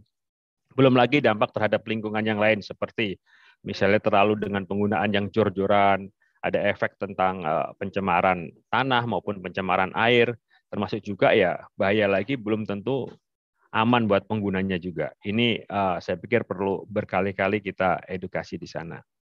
Kami memang dari uh, salah satu perusahaan pestisida pun tidak henti-hentinya dalam saat uh, mengedukasi. Kami juga selalu mengedukasi dengan penggunaan alat pelindung diri atau baju APD supaya uh, pada saat aplikasi uh, tidak uh, mudah langsung terpapar karena dalam APD itu paketnya ada kacamata juga, ada masker, sarung tangan, dan tentunya adalah celemek. Celemek ini apabila eh, teman-teman petani masih menggunakan insektisida uh, semprot, apabila digendong kemudian ada ada rembesan atau tetesan atau mungkin uh, kebocoran, uh, cenderung uh, aman di situ. Nah, next untuk slide berikutnya berbicara solusi tadi masih sudah banyak di, uh, disampaikan mulai dari yang disampaikan oleh uh, Haji Otong mulai dari pratanam, terus kemudian fisik maupun mekanik, terus kemudian secara hayati maupun secara kimia. Saya hanya menyulik satu-satu mungkin yang penting. Terutama eh, tanam secara serentak karena tanam secara serentak ini eh, eh, signifikan sekali untuk bagaimana eh, bisa kita memonitor, bagaimana kita bisa apa namanya eh, mengetahui tentang eh, apa namanya tingkat serangan supaya tidak nyebrang atau tidak uh, apa terus menerus uh, rantai makanannya ada sehingga bisa dikendalikan di situ.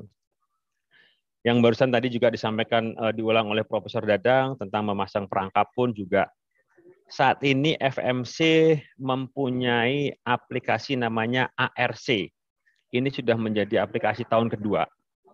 Tahun yang lalu kita hanya uji coba di daerah Jawa Barat yang daerah endemis Pantura yaitu di Kerawang, Subang, dan Indramayu dengan merangkap uh, memasang perangkap tersebut. Setiap tiga hari kami amati dan perangkap tersebut uh, ada atau laporannya kita masukkan uh, ke aplikasi tersebut. Sehingga buat teman-teman uh, petani yang mendownload uh, aplikasi tersebut bisa memonitor dari mana pun. Seluruh Indonesia bisa.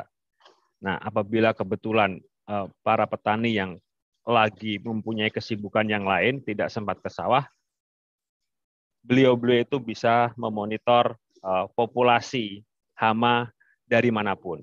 Dari rumah bisa, dari tempat kesibukannya atau mungkin pasar bisa, atau kalaupun misalnya kebetulan hujan dan lokasi sawahnya banyak bisa. Nah, di situ menarik sekali, sekaligus kita akan informasikan tentang uh, jumlah populasi yang mengkategorikan apakah itu masih kondisi hijau, kuning atau merah sehingga itu membantu petani dalam tanda kutip sebagai early warning system sehingga mereka bisa mengendalikan secara seawal mungkin sebelum uh, apa menyerang ke uh, tanaman uh, para petani tersebut. Kemudian pengendalian hayati sudah pasti yang saya sampaikan tadi. Bahkan uh, Balai Besar Peramalan uh, POPT menyarankan sebisa mungkin kalau di bawah umur 30 hari uh, seandainya menggunakan insektisida, gunakan insektisida yang butiran, yang ramah lingkungan, sehingga mengurangi paparan paparan spray tadi, larutan itu untuk terkena langsung dari uh, agen hayati tersebut atau musuh alami tersebut. Nah, tentunya yang terakhir adalah penggunaan insektisida atau penggunaan insektisida secara kimia, kimia adalah yang saat ini menjadi solusi uh, yang uh, diandalkan oleh para petani, terutama adalah daerah uh, daerah yang uh, menjadi endemik.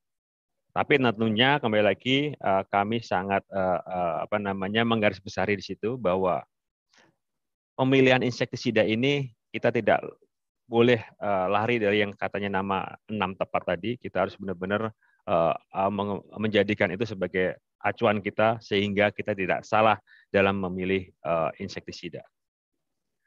Oke, berikutnya. Nah, nah kebetulan kami adalah uh, produsen insektisida yang berlabel hijau dengan nama uh, Prevaton yang bahan aktifnya tadi sudah disampaikan oleh uh, uh, Pak Haji Otong, Riprol. Sampai saat ini produk kami adalah menjadi masih menjadi produk yang paten dan Riprol ini uh, terdaftar resmi untuk pengerek batang dengan cara kerja yang sistemik, racun kontak dan lambung, juga saraf, dan bekerja secara translaminar. Dan ini cukup menarik klorantraniliprol ini juga bisa bekerja secara ovilarvisidal. Nah, seperti seperti tadi yang uh, uh, Bapak moderator sampaikan tadi, kapan sih waktu yang tepat? Jadi di saat uh, lar di saat penggerak batang tadi menem, uh, meletakkan telurnya, jadi uh, prevaton ini bisa mengendalikan pada saat masih stadium telur. Jadi dengan racunnya yang nempel pada cangkang telur, di saat telur tersebut menetas, larva itu akan memakan cangkang tersebut. Nah, dan di saat memakan cangkang yang sudah terpapar oleh uh, bahan aktif klorantaniripol ini, larva itulah akhirnya mati. Itu yang namanya ovilarvisidal. Jadi kita tahu bahwa uh, lapisan telur itu cukup uh, cukup uh, tebal, ada yang paling luar itu seperti kapas, kemudian di bawahnya lagi ada seperti lilin dan terakhir adalah cangkangnya itu pun. Nah, Prevaton atau klorantaniripol ini mampu menembus sampai dengan uh, kulit uh, telur tersebut. Nah, seiring dengan peraturan uh, Komisi Pestisida saat ini bahwa uh, apa namanya penggantian dari dosis menuju konsentrasi ini adalah juga salah satu uh, langkah yang paling bagus untuk uh, apa namanya uh, mengurangi kesalahan petani dalam menentukan dosis aplikasi terlebih pada saat bagaimana melakukan kalibrasinya. Jadi saat ini memang Komisi Pestisida sudah menentukan uh, konsentrasi yang fix berapa uh, mililiter per liter air yang harus digunakan dan Prevaton cukup dengan 3 mililiter air dengan minimal uh, volume air per hektar adalah 250 liter.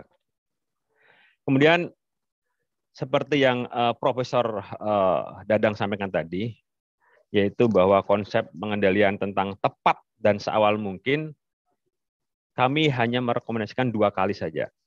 Yang pertama yaitu umur 21 hari. Kenapa umur 21 hari? Bahwa dari hasil riset kami juga bahwa uh, imago yang nantinya larvanya akan menyerang atau ngengat yang nantinya akan menyerang pada fase generatif itu tidak lebih adalah dari imago atau apa namanya ngengat yang pada saat siklus pertama serangan di stadio vegetatif itu sundip tidak terkendalikan. Nah, di mana secara umum, kita bicara secara umum, bahwa umur 21 itu kita akan memutus siklus pertama pada sundepnya tersebut. Sehingga kita akan mengurangi populasi yang akan berpotensi menjadi nanti serangan siklus kedua. Nah, kemudian pada umur 21 hari itu juga, di situlah periode-periode yang aktif, mulai dari umur 15 sampai umur 25-30 eh, adalah periode aktif pembentukan anakan. Nah, di saat pembentukan anakan aktif itulah kita juga lindungi, kita proteksi dengan uh, prevaton tersebut. Kemudian rekomendasi kami yang kedua adalah umur 28 hari atau maksimal umur 30 hari. Karena di umur 28 hari tersebut, secara umum varietas tanaman padi apabila kita buka satu helai per helai daun itu, di dalamnya sebetulnya sudah ada bakal Malay yang kurang lebih sekitar 0,5 cm sampai dengan 1 cm. Itulah yang uh, kita lindungi di situ. Sesuai dengan uh, apa namanya uh, manajemen resistensi, kami hanya merekomendasikan dua kali saja, sehingga nantinya kami sarankan untuk dirotasi dengan produk kami yang lainnya, yang kebetulan juga uh, berlabel yang hijau juga, yang resmi terdaftar untuk uh, penggerak batang ini. Next. Agus. Ya. Di persemaian. Oke, baik. Ya, uh, secara umum saya sampaikan bahwa siklusnya tadi memang ada dua kali, Bapak. Ada dua kali baik, ada yang uh, uh, 21 dan uh, 28. Tetapi untuk beberapa daerah endemix memang sudah menyerang sejak di persemaian. Nah, di pembibitan pun kami juga mempunyai produk dengan formulasi granul, Pak. Itu juga bisa diaplikasikan berbarengan dengan saat penaburan. kita ada Vertera dengan bahan aktif yang sama yaitu chlorantraniliprol dan itu bisa diaplikasikan bertabur ditabur dengan uh, bersama dengan pemupukan pertama. Cukup hanya 2 uh, eh, sampai 3 eh, kilo untuk kebutuhan satu hektar. Itu bisa ditabur dengan pemupukan pada saat di persemaian. Itu sebagai uh, istilahnya kalau ini adalah imunisasi ya, karena dia akan diserap granul sifatnya adalah slow release, dia akan diserap oleh akar melalui jaringan uh, silem, kemudian akan uh, sistemik dan uh, apa namanya uh, bertahan pada jaringan tanaman, sehingga pada saat pindah tanam pun masih ada apa namanya uh, bahan aktif tersebut yang bisa memproteksi di awal tanam di situ. Jadi kembali saya sampaikan, saya uh, ulang lagi bahwa Prevaton ini adalah berlabel hijau, yang tentunya sangat sangat uh, kami rekomendasikan karena relatif aman untuk apa namanya musuh-musuh alami, termasuk serangga-serangga yang bermanfaat lainnya. Selain itu juga, Perpatan 50 SC juga relatif aman untuk aplikator atau pengguna. Tentunya akan lebih aman lagi apabila pengguna tersebut sudah menggunakan pakaian pelindung pada saat aplikasi yaitu APD yang kita kenal alat uh, pakaian pelindung. Kemudian sampai saat ini Pak yang seperti saya sampaikan tadi bahwa Prevaton masih uh, menjadi bahan aktif uh, yang uh, paten dan masih menjadi andalan uh, buat petani. Tahun ini adalah tahun ke-15 uh, petani hadir di uh, uh, di tengah-tengah kita semuanya dan masih menjadi produk yang bisa diandalkan di sini. Next. Jadi kesimpulannya Bapak semuanya bahwa selain hama yang lain bahwa penggerak batang itu memang perlu diwaspadai keberadaannya. Karena dia menyerang di semua stadia, mulai dari pembibitan, mulai dari fase vegetatif dan sampai dengan fase generatif. Bahkan apabila uh, uh, pola tanamnya tidak serempak pun di hampir semua stadia tahapan tanaman itu ada di situ. Tentunya apabila kita hanya mengandalkan uh, uh, pestisida kimia, ada beberapa kendala yang tentunya kita bisa jadi sampai kecurian atau kecolongan atau telat dalam aplikasinya. Keberadaan musuh alami memang sangat-sangat kita harapkan dan termasuk serangga-serangga yang bermanfaat lainnya sangat harus kita lestarikan untuk membantu kita. Nah, tinggi rendahnya senggarang penggerak inilah yang kami sarankan petani apabila menggunakan pestisida, gunakanlah pestisida secara uh, apa namanya uh, bijaksana, di mana apabila sudah uh, menggunakan insektisida tersebut, jangan digunakan secara terus-menerus. Lakukan rotasi, uh, baca juga uh, petunjuk penggunaan di situ, dan tentunya supaya tidak uh, apa namanya terjadi kepanikan bahwa kunci utama pengamatan atau pemantauan itu menjadi hal yang utama. Slide uh, terakhir, Bapak, uh, kesimpulan bahwa Prevaton saat ini adalah sangat tepat sebagai pilihan utama untuk mengendalikan penggerak batang secara kimia, karena produk kami adalah berlabel hijau tadi, dengan bahan aktif yang masih paten, dan terdaftar resmi sebagai insektisida yang ramah lingkungan, sehingga keberadaan musuh alami dan serangga bermanfaat lainnya bisa dilestarikan. Sampai dengan saat ini produk kami masih uh, uh, sesuai dengan apa namanya uh, kualitas, sesuai dengan apa namanya uh, mutu yang diharapkan. Terbukti kita produk ini masih paten dan sampai dengan 15 tahun ini masih menjadi andalan petani. Nah, selain uh, aplikasi ARC tadi yang kami miliki sebagai uh, alat bantu pemantauan petani, ARC saat ini memang kami ada di seluruh Indonesia di Sumatera Utara ada, terus kemudian di Sulawesi Selatan ada kami, ada tim di sana, kemudian di Jawa Timur, Jawa Tengah, dan Jawa Barat ada. Selain itu, Bapak semuanya, seiring dengan teknologi yang modern, seperti yang sampaikan Profesor Darren tadi, untuk menghindari hal-hal yang merugikan dengan adanya belanja online dan sebagainya, terutama ada pestisida, kami juga ada aplikasi namanya Sobat Jempolan. Di situ ada daftar uh, rekanan resmi kami, mitra resmi kami, retailer yang menyediakan produk-produk uh, asli kami dari di semua daerah di seluruh Indonesia. Jadi Bapak Ibu semuanya bisa mencari uh, Prevaton 50 SC di aplikasi Sobat Jempolan. Cukup download gratis di aplikasi itu dari dari mobile phone Bapak-bapak semuanya uh, yang berbasis Android. Selain adanya kios-kios yang menyediakan produk Prevaton juga tentunya di situ kami uh, masukkan juga informasi mengenai hama dan penyakit pada tanaman yang lain juga.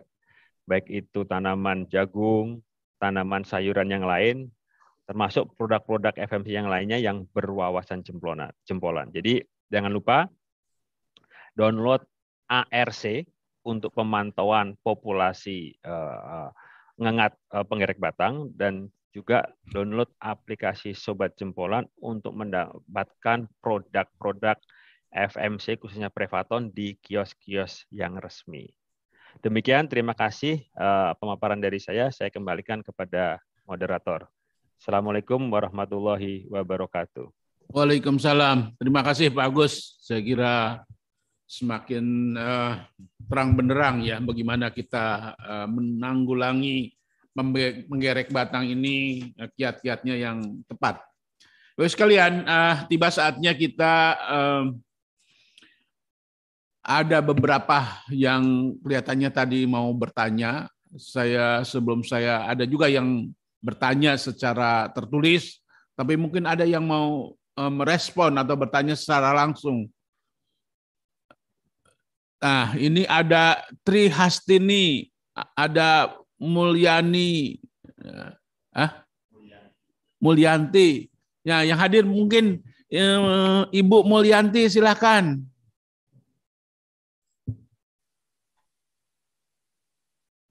Unmute. Masih merah itunya, Bu. Di... Nah. Ya, silakan. Baik, Assalamualaikum warahmatullahi wabarakatuh. Waalaikumsalam. Terima kasih.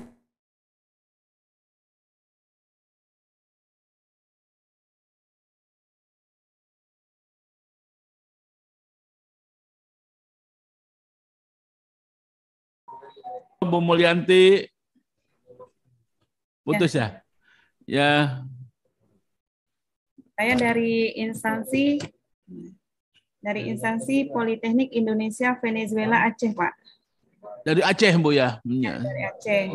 Silakan. Kebetulan basic uh, eh, S1 saya dulu saya di hama penyakit tanaman. Ya, silakan Bu. S2 yang enggak enggak linear gitu, Pak. Tapi saya masih sangat suka dengan hama penyakit gitu yang ingin saya tanyakan, kebetulan saya pernah membimbing mahasiswa, membimbing mahasiswa menggunakan pesisda nabati untuk yang emas. Eh, apakah ada nggak pesisida nabati untuk eh, apa namanya hama putih? Ini hama putih palsu, Pak ya?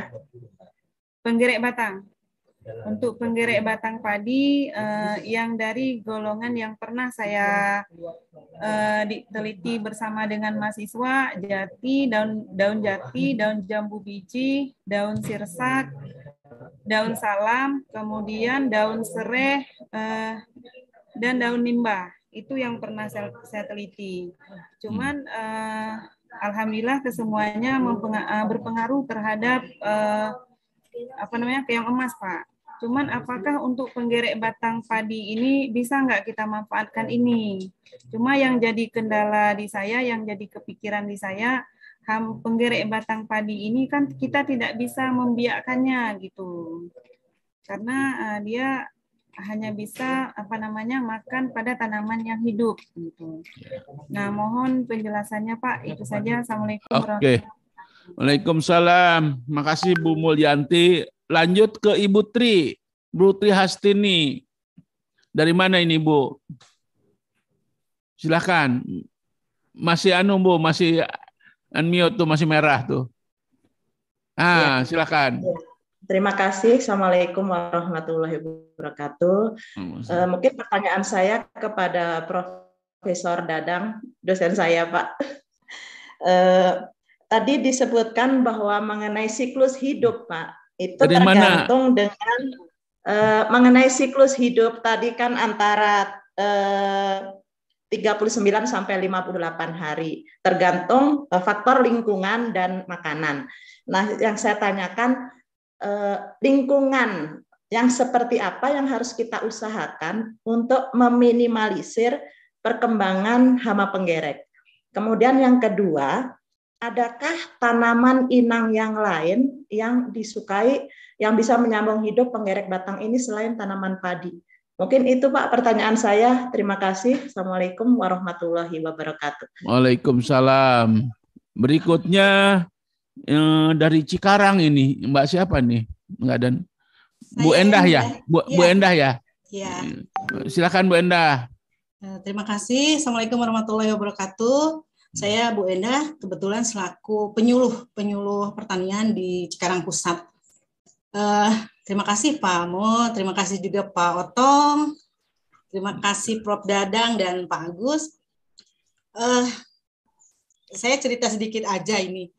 Jadi eh, sebetulnya yang kekurangan itu sebenarnya petugas OPT petugas OPT di lapangan. Karena di saya saja dari dua kecamatan hanya satu orang petugas OPT. Nah, ini eh, menjadi tugas berat penyuluh karena petani itu kan lebih dekatnya dengan dengan penyuluh. Semua termasuk eh, hama apa pun yang ada di lapangan itu curhatnya itu ke penyuluh gitu sebelum ke petugas OPT. Petugas OPT dua kecamatan satu di Cikarang Pusat dengan Cikarang Timur itu satu petugas OPT dengan luas Cikarang Timur yang 2000 sekian hektar dan eh, Cikarang Pusat kebetulan hanya sedikit 600 sekian hektar tapi eh, tidak mungkin satu persatu apa satu perta- eh, satu lahan sawah itu dilihat apakah penggerak batangnya sudah melebihi misalnya gitu ya eh, melebihi ambang batas sehingga harus eh, apa dikendalikan seperti itu. Jadi eh, ini hanya masukan saja. Eh, alangkah baiknya petugas POPT ditambah satu itu ke, ke pemerintah. Yang kedua, eh, acara webinar seperti ini sangat eh, sangat menarik karena memang menambah pengetahuan bagi penyuluh. Ini harus harus eh, ditambah lagi nanti eh, termasuk nanti eh, bagaimana eh, hama dan penyakit lain yang nanti bisa eh, apa menjadi tambahan ilmu untuk penyuluh di lapangan. Eh, dan eh, yang ketiga yaitu petani sendiri eh, dulu ada yang namanya sekolahan SLPHT itu sekolah lapang eh, untuk hama Pengendalian. penyakit. Nah sekarang itu sudah tidak ada lagi. Artinya penyul apa petani juga kurang pengetahuannya dalam pengendalian hama terpadu. Baiknya ya pemerintah sendiri mengadakan kembali yang namanya sekolah lapang pengendalian hama terpadu. Itu hanya sekedar masukan saya dari saya. Terima kasih. Assalamualaikum warahmatullahi wabarakatuh. Makasih Bu Endah. Berikutnya ini ada Pak Gultom ini dari Medan. Silakan Pak Gultom.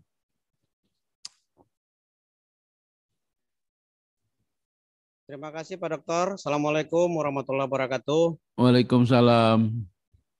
Izin Pak Dokter, eh, ini terserah kama pro- mana saja pun boleh eh, tentang eh, penggunaan pestisida untuk mengatasi penggerek batang ini.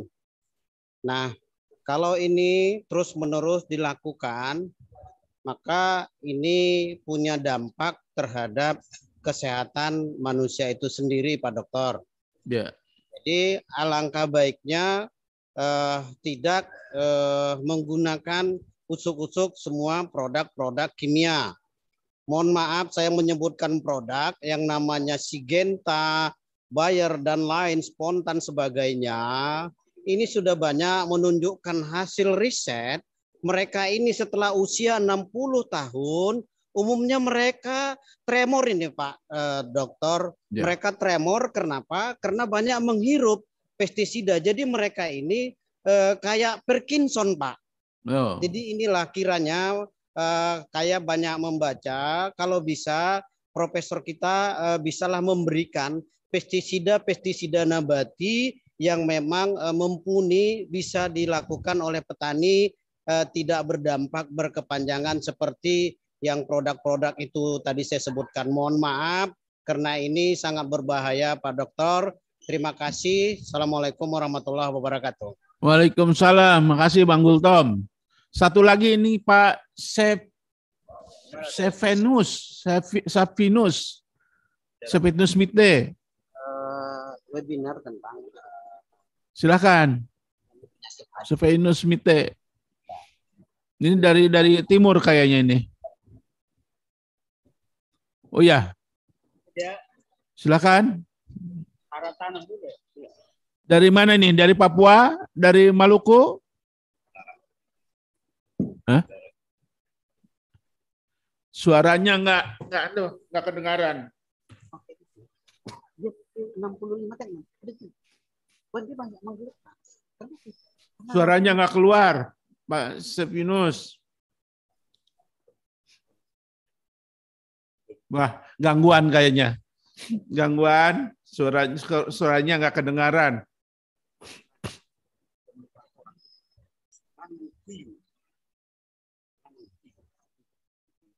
Ya. Ya. Halo. Ya, ya, ya. Oke. Selamat sore. Sore. Saya dari saya PPL P3K dari Kabupaten Ngada NTT. NTT ya? Iya.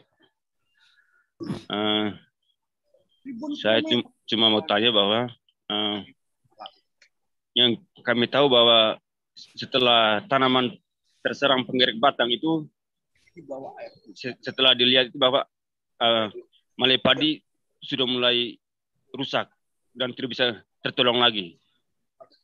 Dan mungkin saya ingin tahu kira-kira uh, gejala yang bisa diamati secara langsung sebelum tanaman itu benar-benar tidak bisa tertolong lagi. Supaya mungkin ada tindakan preventif yang bisa diselesaikan lebih awal. Mungkin itu saja pertanyaan. Makasih. Jadi gejala-gejalanya apa supaya lebih cepat dilakukan tindakan ya, ya Oke. Iya, ya benar. Baik, Babi sekalian, ini ada lima penanya. Sekaligus aja saya sampaikan juga supaya dijawabnya sekaligus.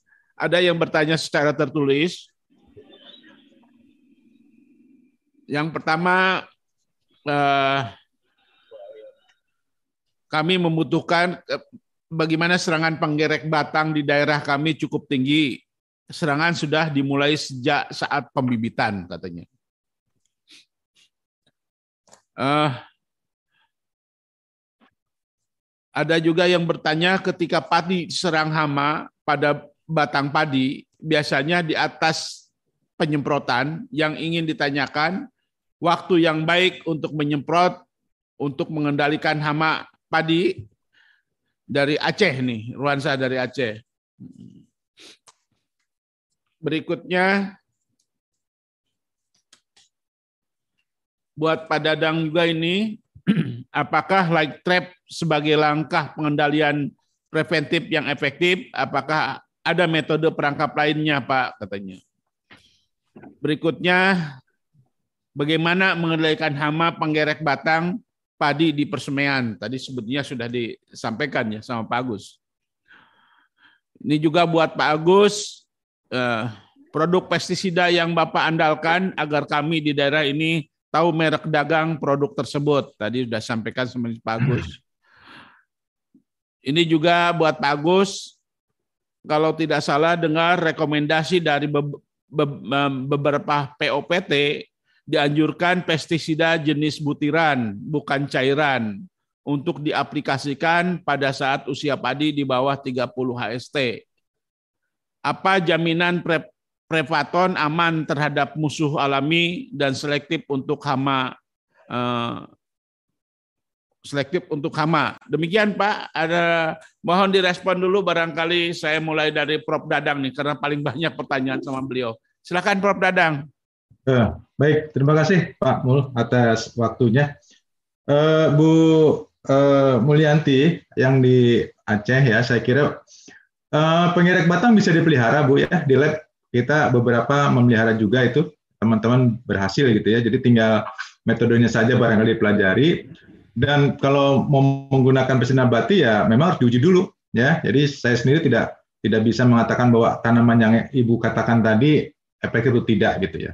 Tapi paling tidak uh, kalau kalau untuk skala luas agak repot bu ya. Kita karena butuh butuh banyak eh, bahannya. Tapi saya sarankan ini lebih banyak untuk persemaian begitu. Persemaian kan lebih lebih apa sempit lahannya lebih lebih sedikit gitu ya. Dan uh, itu bisa bisa dia sebagai penolak kedatangan imago ya untuk anti oposisi misalnya seperti itu ya bisa seperti itu. Saya kira memang perlu di, perlu ditetapi kalau bahan tadi seperti uh, apa itu daun sirsak, uh, mimba itu memang sudah ketahui mempunyai beberapa efek. Nah, silakan diuji saja. Nah, tapi yang penting jangan terlalu tinggi konsentrasinya ya, karena nanti tidak tidak efisien jadinya ya Bu, seperti itu. Kemudian uh, uh, yang Ibu uh, Tri Hastini ya Bu ya. Nah, saya kira faktor-faktor uh, lingkungan itu sangat berpengaruh Bu ya. Jadi kalau kita lihat perkembangan hama itu ya, kalau memang dia sangat uh, cerah cuacanya gitu ya, sangat panas, maka metabolisme dalam tubuhnya juga apa dibantu dengan tanaman yang cukup misalnya, maka dia akan berkembang lebih cepat, Bu. Tadi saya katakan serangga itu mempunyai strategi R gitu. Jadi kalau kalau kualitas makanannya bagus, dia berkembangnya lebih cepat. Makanya kepridian itu kan apa namanya eh, antara gitu, antara A sampai B kan. Nah, kalau dia bagus dia pasti sampai mampu yang tinggi sekali, ya. Nah, nah saya lingkungan kan tidak tidak ada lingkungan yang bisa kita manipulasi lingkungan mikro misalnya dengan jarak tanamnya agak direnggangkan,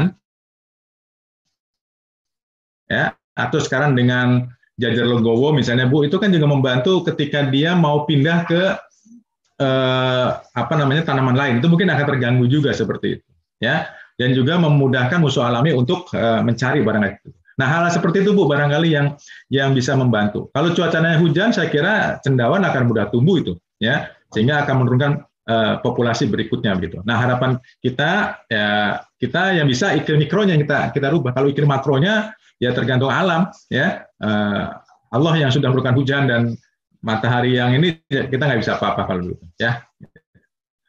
Uh, kemudian Pak Gultom, jadi begini Pak, nanti mungkin Pak Agus juga bisa menambahkan gitu ya.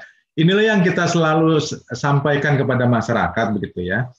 Berapa kali ya kalau kita apa namanya penyuluhan gitu ya, uh, gunakanlah APD dengan baik gitu. Tapi di lapangan ternyata sulit sekali itu ya. Uh, menggunakan APD yang baik itu sulit sekali begitu ya. Jadi uh, ya itu memang kalau kita sering terpapar, ya itu pasti ada efek itu, ya itu pasti ada efek begitu, ya karena bagaimanapun uh, minimal badan nggak tergatal itu, minimal ringannya nggak tergatal, ya gitu, ya. Gitu. Nah kalau keseringan, misalkan terhirup, apa itu pasti ada masalah gitu, ya. Nah di situlah sebetulnya kita menyampaikan bagaimana kita mengaplikasikan pestisida itu dengan bijak. Bijak itu bukan hanya masalah dosis, konsentrasi, tapi juga bijak terhadap diri kita begitu. Ya, ya misalkan yang butiran nggak bagus kan, gitu ya. Nah, jadi perlulah yang namanya bijak terhadap diri sendiri juga gitu. Dalam aplikasi kita harus memperhatikan juga uh, kesehatan kita seperti itu. Ya. Nah, masalah penggunaan bagaimana ya tergantung kebutuhan saya kira gitu. Ya. Kalau eh, tadi nanti Pak Pak Severinus barangkali nanti Pak Agus ya yang akan ini kan ya. Eh, kalau Pak Severinus tadi menarik ini Pak. Tadi saya katakan di depan penggerek ini kalau lihat gejala itu memang sudah ada, sudah rusak, itu sebenarnya sudah serangan ini. Nah, yang kita lakukan Pak Severinus adalah memantau ya memantau kedatangan beliau di lapangan, memantau kedatangan ya kita bisa menggunakan light trap. Atau kadang kalau yang rumahnya dekat sawah kadang datang ke rumah dia. Ya kita pasang lampu itu datang ke rumah. Ya nah, kalau saya punya petani di daerah Karawang itu nah, infonya dia gampang. Ya dia lihat saya datang. Itu pak sudah kelihatan tuh di rumah saya tuh sudah berdatangan tuh katanya itu nah, berarti di lapangan sudah ada itu. Ya seperti itu. Nah bisa seperti itu. Tadi kedua bisa menggunakan data trap itu yang tadi pheromone sec itu. Ya itu juga bisa untuk memantau uh, langsung di lapangan kalau itu. Ya dia simpan di sana. Itu tadi saya katakan radiusnya kan hampir 50 meter ya gitu. Jadi sebetulnya kalau kita mau uh, istilahnya uh, gabungan bu ya, ya kalau bahasa kerennya estate barangkali gitu ya itu sangat sangat mungkin untuk kita kita lakukan seperti itu ya. Jadi nah sekarang yang dilakukan adalah dengan program ARC itu kan uh, luasan sekian cuma satu. Jadi untuk pantau lokasi itu sekian luas gitu. Berarti itu sebenarnya kurang sih sebetulnya ya gitu. Tapi paling tidak kita sudah tahu apakah dia ada di garis merah, kuning atau hijau begitu. Kalau hijau artinya masih aman, kalau kuning hati-hati, kalau merah ya harus ada pengendalian seperti itu ya. Itu sudah dikembangkan saya kira tinggal tadi Pak Agus katakan download saja programnya saya kira itu uh, mudah-mudahan bisa di, di, dilakukan gitu ya. Nah, ini sekalian menjawab tadi pertanyaan uh, dari uh, Pak Mulya dibacakan ya tadi selain menggunakan uh, apa namanya uh, delta trap, bisa juga light trap ya. Light trap gampang sekali ke Bapak Ibu sekalian ya. Gampang sekali tidak terlalu ini ya, uh, tidak terlalu mahal gitu ya. Itu untuk memantau ya. Dan sekaligus kalau setiap petani bisa mendapatkan ratusan ekor itu juga sebagus sebagai pengendalian kan tentu saja kan ya gitu. Tapi paling tidak memang tujuan utama itu untuk untuk memonitor sebetulnya gitu ya. Nah, tapi kalau saya katakan bisa juga itu minimal untuk uh, mengurangi populasi di lapangan yang tertangkap pada uh, trap kita seperti itu ya. Uh, kalau SLPHT Bu saya kira ini Bu Enda ya kita harus paham lah uh, dalam Undang-Undang Nomor uh, 22 2019 itu kan PHT jelas sekali di state di sana begitu ya Bu ya gitu. Nah sekarang memang masalahnya kan di ini Bu di kebijak bukan kebijakan ya. Jadi nomenklatur barangkali ya. Setahu saya nomenklatur ini ya. Kalau dulu uh, penganggarannya kan bisa lewat di Pangan gitu ya Bu ya. Nah sekarang nggak boleh lagi tuh saya dengar Bu ya nggak boleh nggak boleh lagi. Jadi sekarang paling adanya BIMTEK kan Nah, BIMTEK, BIMTEK itu akhirnya cuma BIMTEK gitu. Ya, mudah-mudahan BIMTEKnya isinya SLPHT lah Bu, mudah-mudahan ya, itu ya. Gitu. Jadi uh, kita pun sudah beberapa kali menyuarakan ini kalau ketemu teman-teman dari sana, tapi memang uh, ya mereka juga tidak mau menganggarkan sesuatu yang nantinya jadi masalah kan, gitu. Itu itu masalahnya di sana begitu ya. Mereka juga ingin, sebetulnya ingin menganjarkan SLPHT itu ingin gitu ya, gitu. Nah, tapi sekali lagi uh, nomenklatur anggaran tidak memungkinkan itu gitu ya. Saya kira itu Pak Mul dari saya. Terima kasih. Ya, lanjut aja ke Pak Agus. Silakan Pak Agus. Baik, uh, terima kasih. Uh, saya sedikit akan menambahkan uh, apa yang sudah disampaikan oleh uh, yang dijawab oleh Profesor Dadang. Uh, terutama kepada Pak Gultom. Ya, Pak Gultom seperti yang saya sampaikan tadi bahwa kami FMC itu uh, mungkin uh, salah satu perusahaan yang konsisten mengedukasi alat pelindung diri. Jadi penggunaan uh, baju celemek pada saat uh, aplikasi pestisida. Dan kami juga sering me, memberikan alternasi atau alternatif barang yang kita bisa gunakan. Misalnya bekas uh, karung pupuk yang kita cuci itu nanti kita bisa lubangin di pojok itu uh, kanan kiri dibalik uh, sama bagian tengah untuk masuk lehernya itu untuk uh, kita gunakan sebagai APD di situ. Sering kita melihat juga kadang petani uh, kalau disuruh menggunakan masker susah karena ada juga masih sangat-sangat tidak bijaksana dengan aplikasi pestisida sembari merokok juga. Nah itu juga sebetulnya sangat-sangat berbahaya sekali. Sebetulnya itu juga cara-cara yang tidak bijaksana dan sangat-sangat tidak kita patut dicontoh. Dan kebetulan saat ini juga uh, Pak Gulton dan Bapak-bapak semuanya kalau misalnya kebetulan daerahnya ada kegiatan uh, apa namanya yang sedang kami uh, lakukan saat ini. Kami saat ini melakukan uh, edukasi yaitu penyemprotan secara massal uh, insektisida prevaton kami di waktu yang tepat dan uh, konsentrasi yang tepat dan membagikan APD secara gratis. Target kami adalah sampai 15.000 petani seluruh Indonesia. Tentunya ini menjadi apa namanya komitmen kami seiring dengan produk kami yang ramah lingkungan pun kami juga mengedukasi bagaimana penggunaan uh, insektisida secara uh, bijaksana. Bagaimana melindungi diri kita sendiri terhadap paparan insektisida yang kita aplikasikan. Terus kemudian menambahkan ke Pak uh, Severinus uh, Mite tadi, apabila tanaman tersebut begitu keluar malai, uh, nanti akan beluk ya, memang bahwa uh, larva atau telur yang menetas itu pintu masuknya memang sebelum male itu keluar.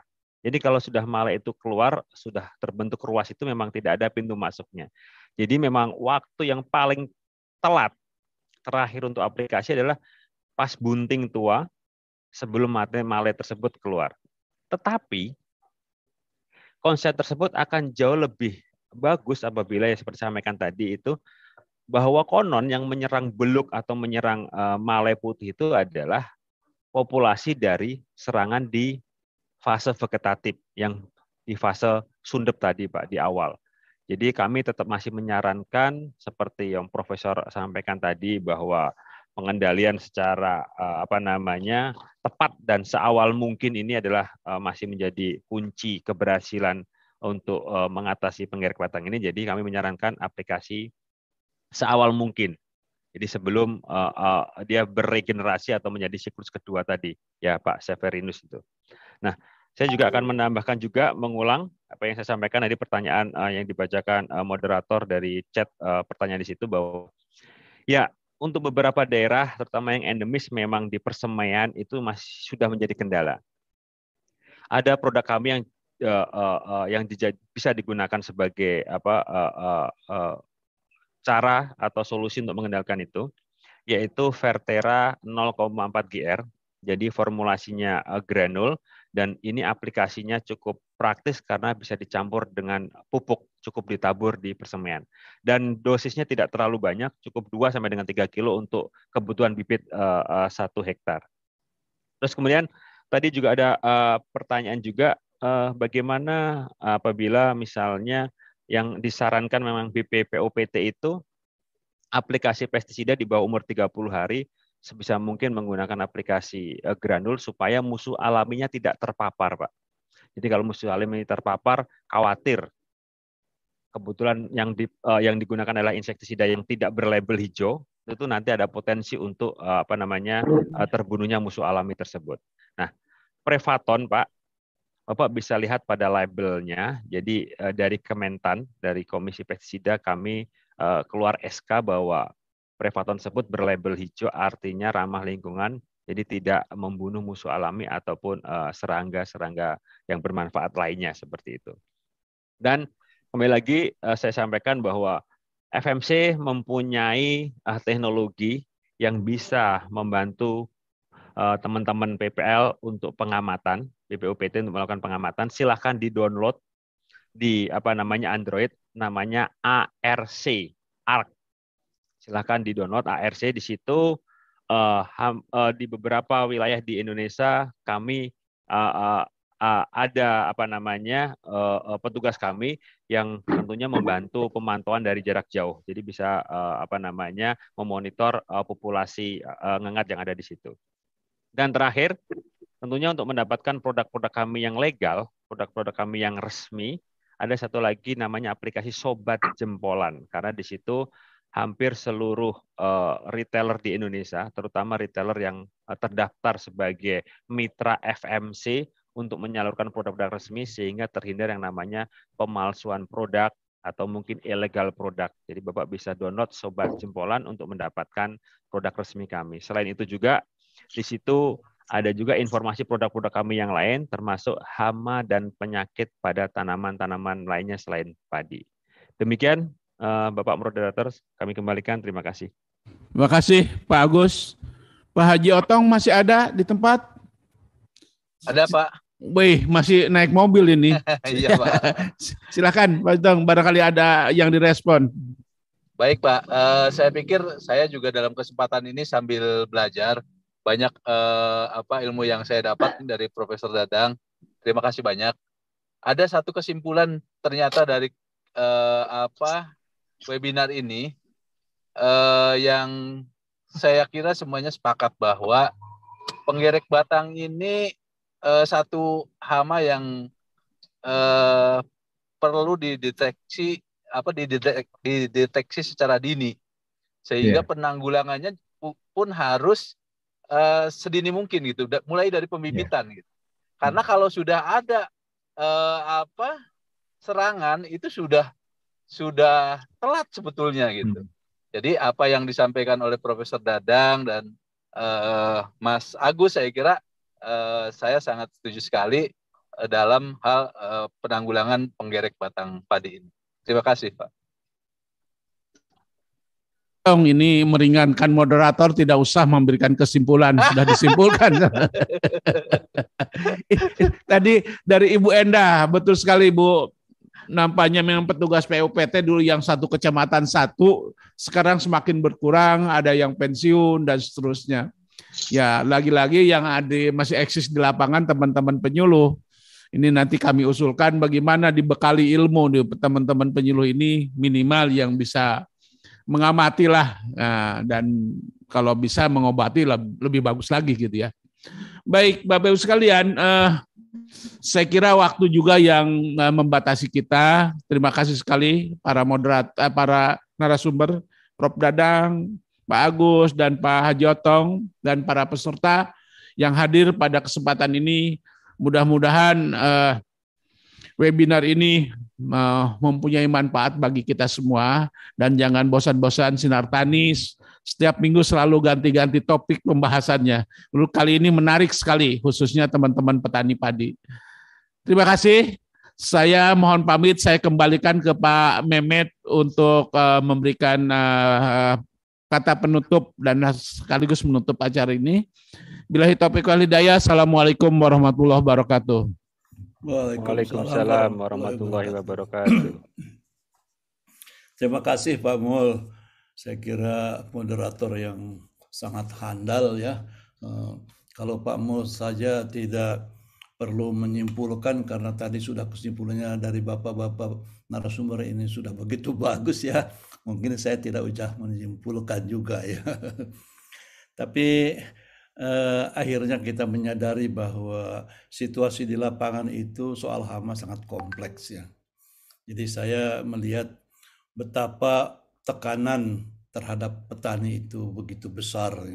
Mereka menghadapi berbagai masalah-masalah, hanya hama saja eh, bukan main mereka itu eh, disibukkan. Dan uh, apalagi ancaman-ancaman OPT, iklim dan kesuburan lahan tadi dikatakan oleh Prof. Dadang ya sebetulnya sangat mengerikan buat kita semua ya. Jadi kita belum bisa membayangkan apa yang harus kita lakukan yang terbaik supaya hal itu tidak terjadi. Bapak Ibu sekalian, uh, apa yang dirasakan oleh petani tadi juga sudah disampaikan ya melalui para penanya saya kira bagaimana Eh, pengamat OPT yang bisa memberikan saran kepada petani itu sudah berkurang. Kemudian eh, saya juga merasa kaget sekali ketika Pak Profesor Dadang mengatakan bahwa eh, sekian persen eh, petani itu menggunakan eh, pestisida yang salah, ada lagi 12 persen eh, ternyata menggunakan kurang dosis, kemudian juga sekian persen lagi masalah-masalah yang terkait apalagi kekebalan hama dan sebagainya. Jadi kalau saya hitung-hitung mungkin hanya 35 persen itu yang mereka itu sudah menggunakan dengan cara yang sama ya, yang betul ya. Jadi masalah uh, di tingkat petani sendiri dalam penggunaan hama itu masih uh, merupakan sesuatu yang harus kita Eh, lakukan dengan sebaik-baiknya memberikan pengetahuan kepada mereka. Uh, Bapak Ibu sekalian, saya atas nama Sinar Tani mengucapkan terima kasih kepada bapak-bapak semua. Ini uh, kelihatan sekali dari pemaparan bapak-bapak semua.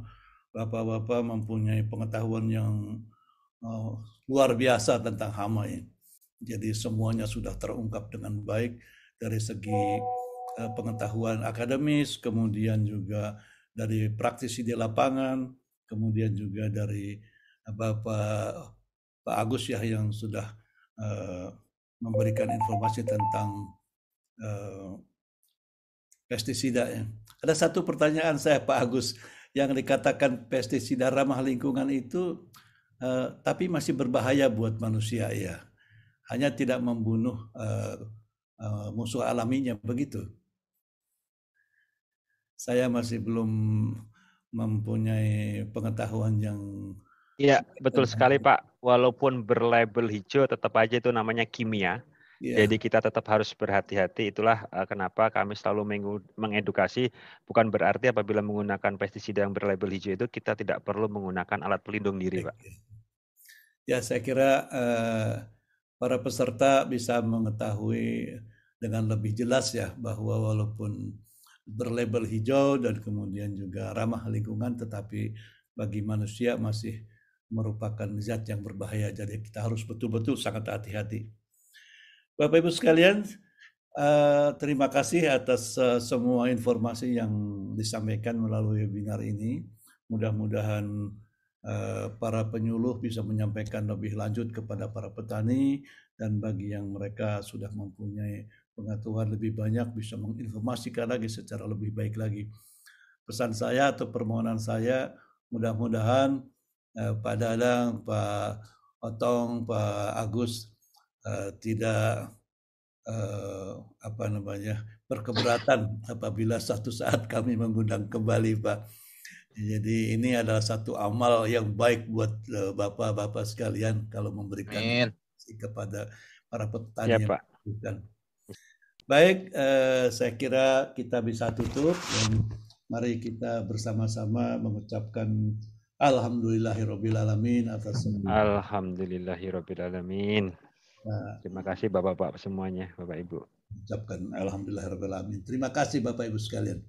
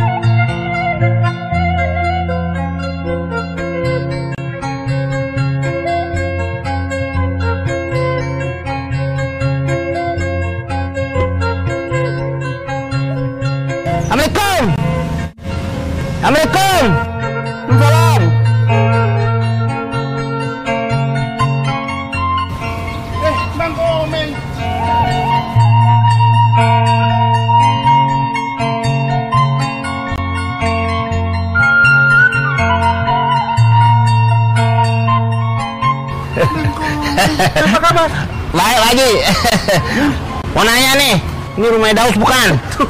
Daus kan menantu gua, Meng. Hah? Waduh, Pak Haji mah punya menantu Daus. Panggil dong. Di sawah, Meng. Di sana ada saung. Kita ke sana? Saung. Tapi panas. Mau ke sana? Boleh, mau. Hmm? Oke, topi dulu ya. Iya. Yeah. Ambil topi ya. Iya. Yeah. Oke, Meng. Oke, okay. saya tungguin sini. Oke. Okay. Padi jenis apa nih? Invari 32 ini, Meng. Oh, Invari. Waduh, nasinya begini, ya? Bulan 7 ton nih, Meng, seheter. Dapatnya. Sehetar 7 ton? Ih. Waduh, banyak banget. Ton produksinya tinggi. Oh. Ini lumayan lah, gua ada sedikit lah. Iya, iya, iya, iya, iya, iya, iya, iya. Ini nasi semua nih, ikan asinnya nggak numbuh. Aduh. Uh. Bulan. Oh, bulan. Bulan, Meng. Anginnya kenceng, topi saya kayak ada yang jenggut. Duh, haus banget dah, habis nyangkul.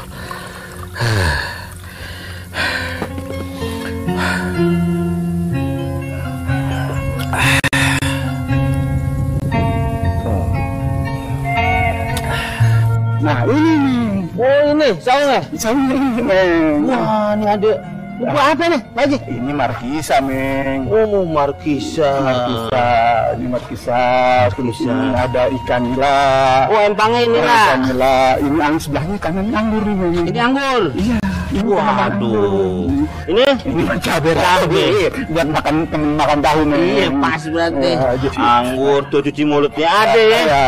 Temennya tahu ada. Nah, pohon kelapa kopi yang masih kecil-kecil. Oh, kecil-kecil ya. Wah, kayak teman saya si Adul gitu kecil.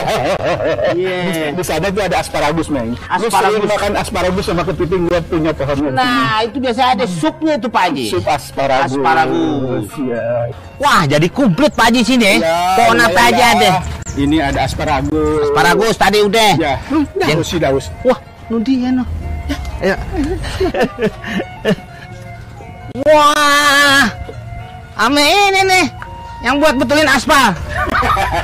ini apaan? Cangkul. Oh, cangkul. Ping, daus. Ah. Gua cari-cari lu di Jakarta lu. Gak ada.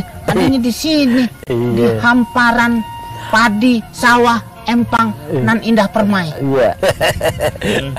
Aneh udah backstreet. Ya, udah ketemu. Oke, Pak Haji. Ya. Makasih banyak Pak Haji. Pak, Pak, mau ke mana?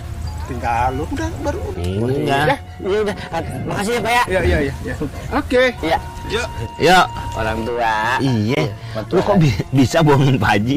Bohongin mana? Eh, lu ngawinin anaknya lu, nggak taunya lu jadi sekarang punya empang, punya sawah, lu mah ngotak lu. Lah karismatik gua mau kan nggak ninja. lu bukan karismatik, Apa? Lu mah rematik. Udah lu. Banyak pantangan itu. Tapi hebat gimana bisa begini nih? Ya itu gua kan kenal eh, kenal sama cewek di mari. Terus jadi bini gua. Itu mertua gua petani. Hmm, oh petani ya. Gue dikenalin tentang Pertanian. masalah pertanian. Hmm. Tuh. Hmm. Terus gue baca ini. Sinar Tani. Sinar Tani. Itu apa tabliot? Tabloid ini. Tabloid. Tabloid beda lagi. Oh di situ apa aja ada tuh? Banyak nih. Apa aja tentang pertanian, perikanan, pokoknya komplit banget. Oh. Nah, masalah pupuk, cara nanam, apa gitu ini update semua nih. Banyak. Ya gue sih mem- memang bagus ya jadi kita paham ya. Kayak gue kan dulu ya siapa yang ngajarin dan gue nggak baca kayak tablet gini. Gue coba nih beternak ikan. Mm. Ikannya nggak gede-gede. Nah, kenapa? Ikan plastik. Beda. Itu yang mainan anak-anak di pancing ada magnetnya gitu. Nempel. Dapat tadi ya. Ih, dia mah bercanda mulu. ah. Orang dulu udah ngomong serius ini. Iya, iya, iya. Nah, selain ini, selain sinar tani ini, ada aplikasinya juga, Meng. Oh, di handphone? Di handphone. Mau tahu nggak? Ini mana mana coba lihat. Di, di handphone. Oh di handphone ya? Iya iya iya. Dalam banget takut kena lumpur apa? ya? Baru digali. gue demen, gue kangen banget Meng sama lu bukan ke Jakarta, gue kayaknya udah lupa sama peta. Sama peta, Eh, makanya gue peta. cari hari ketemu. Gue nggak lihat peta kemari. Lihat apa? Gue endus bau lo. Nih, lu tinggal download aja, namanya Wikitani. Oh, Nih, Wikitani. tuh. Lu klik dah tuh Wikitani, lu download, lu cari di App Store. Oh. Oh. Di App Store, Eh, lu download, tuh keluar, keluar.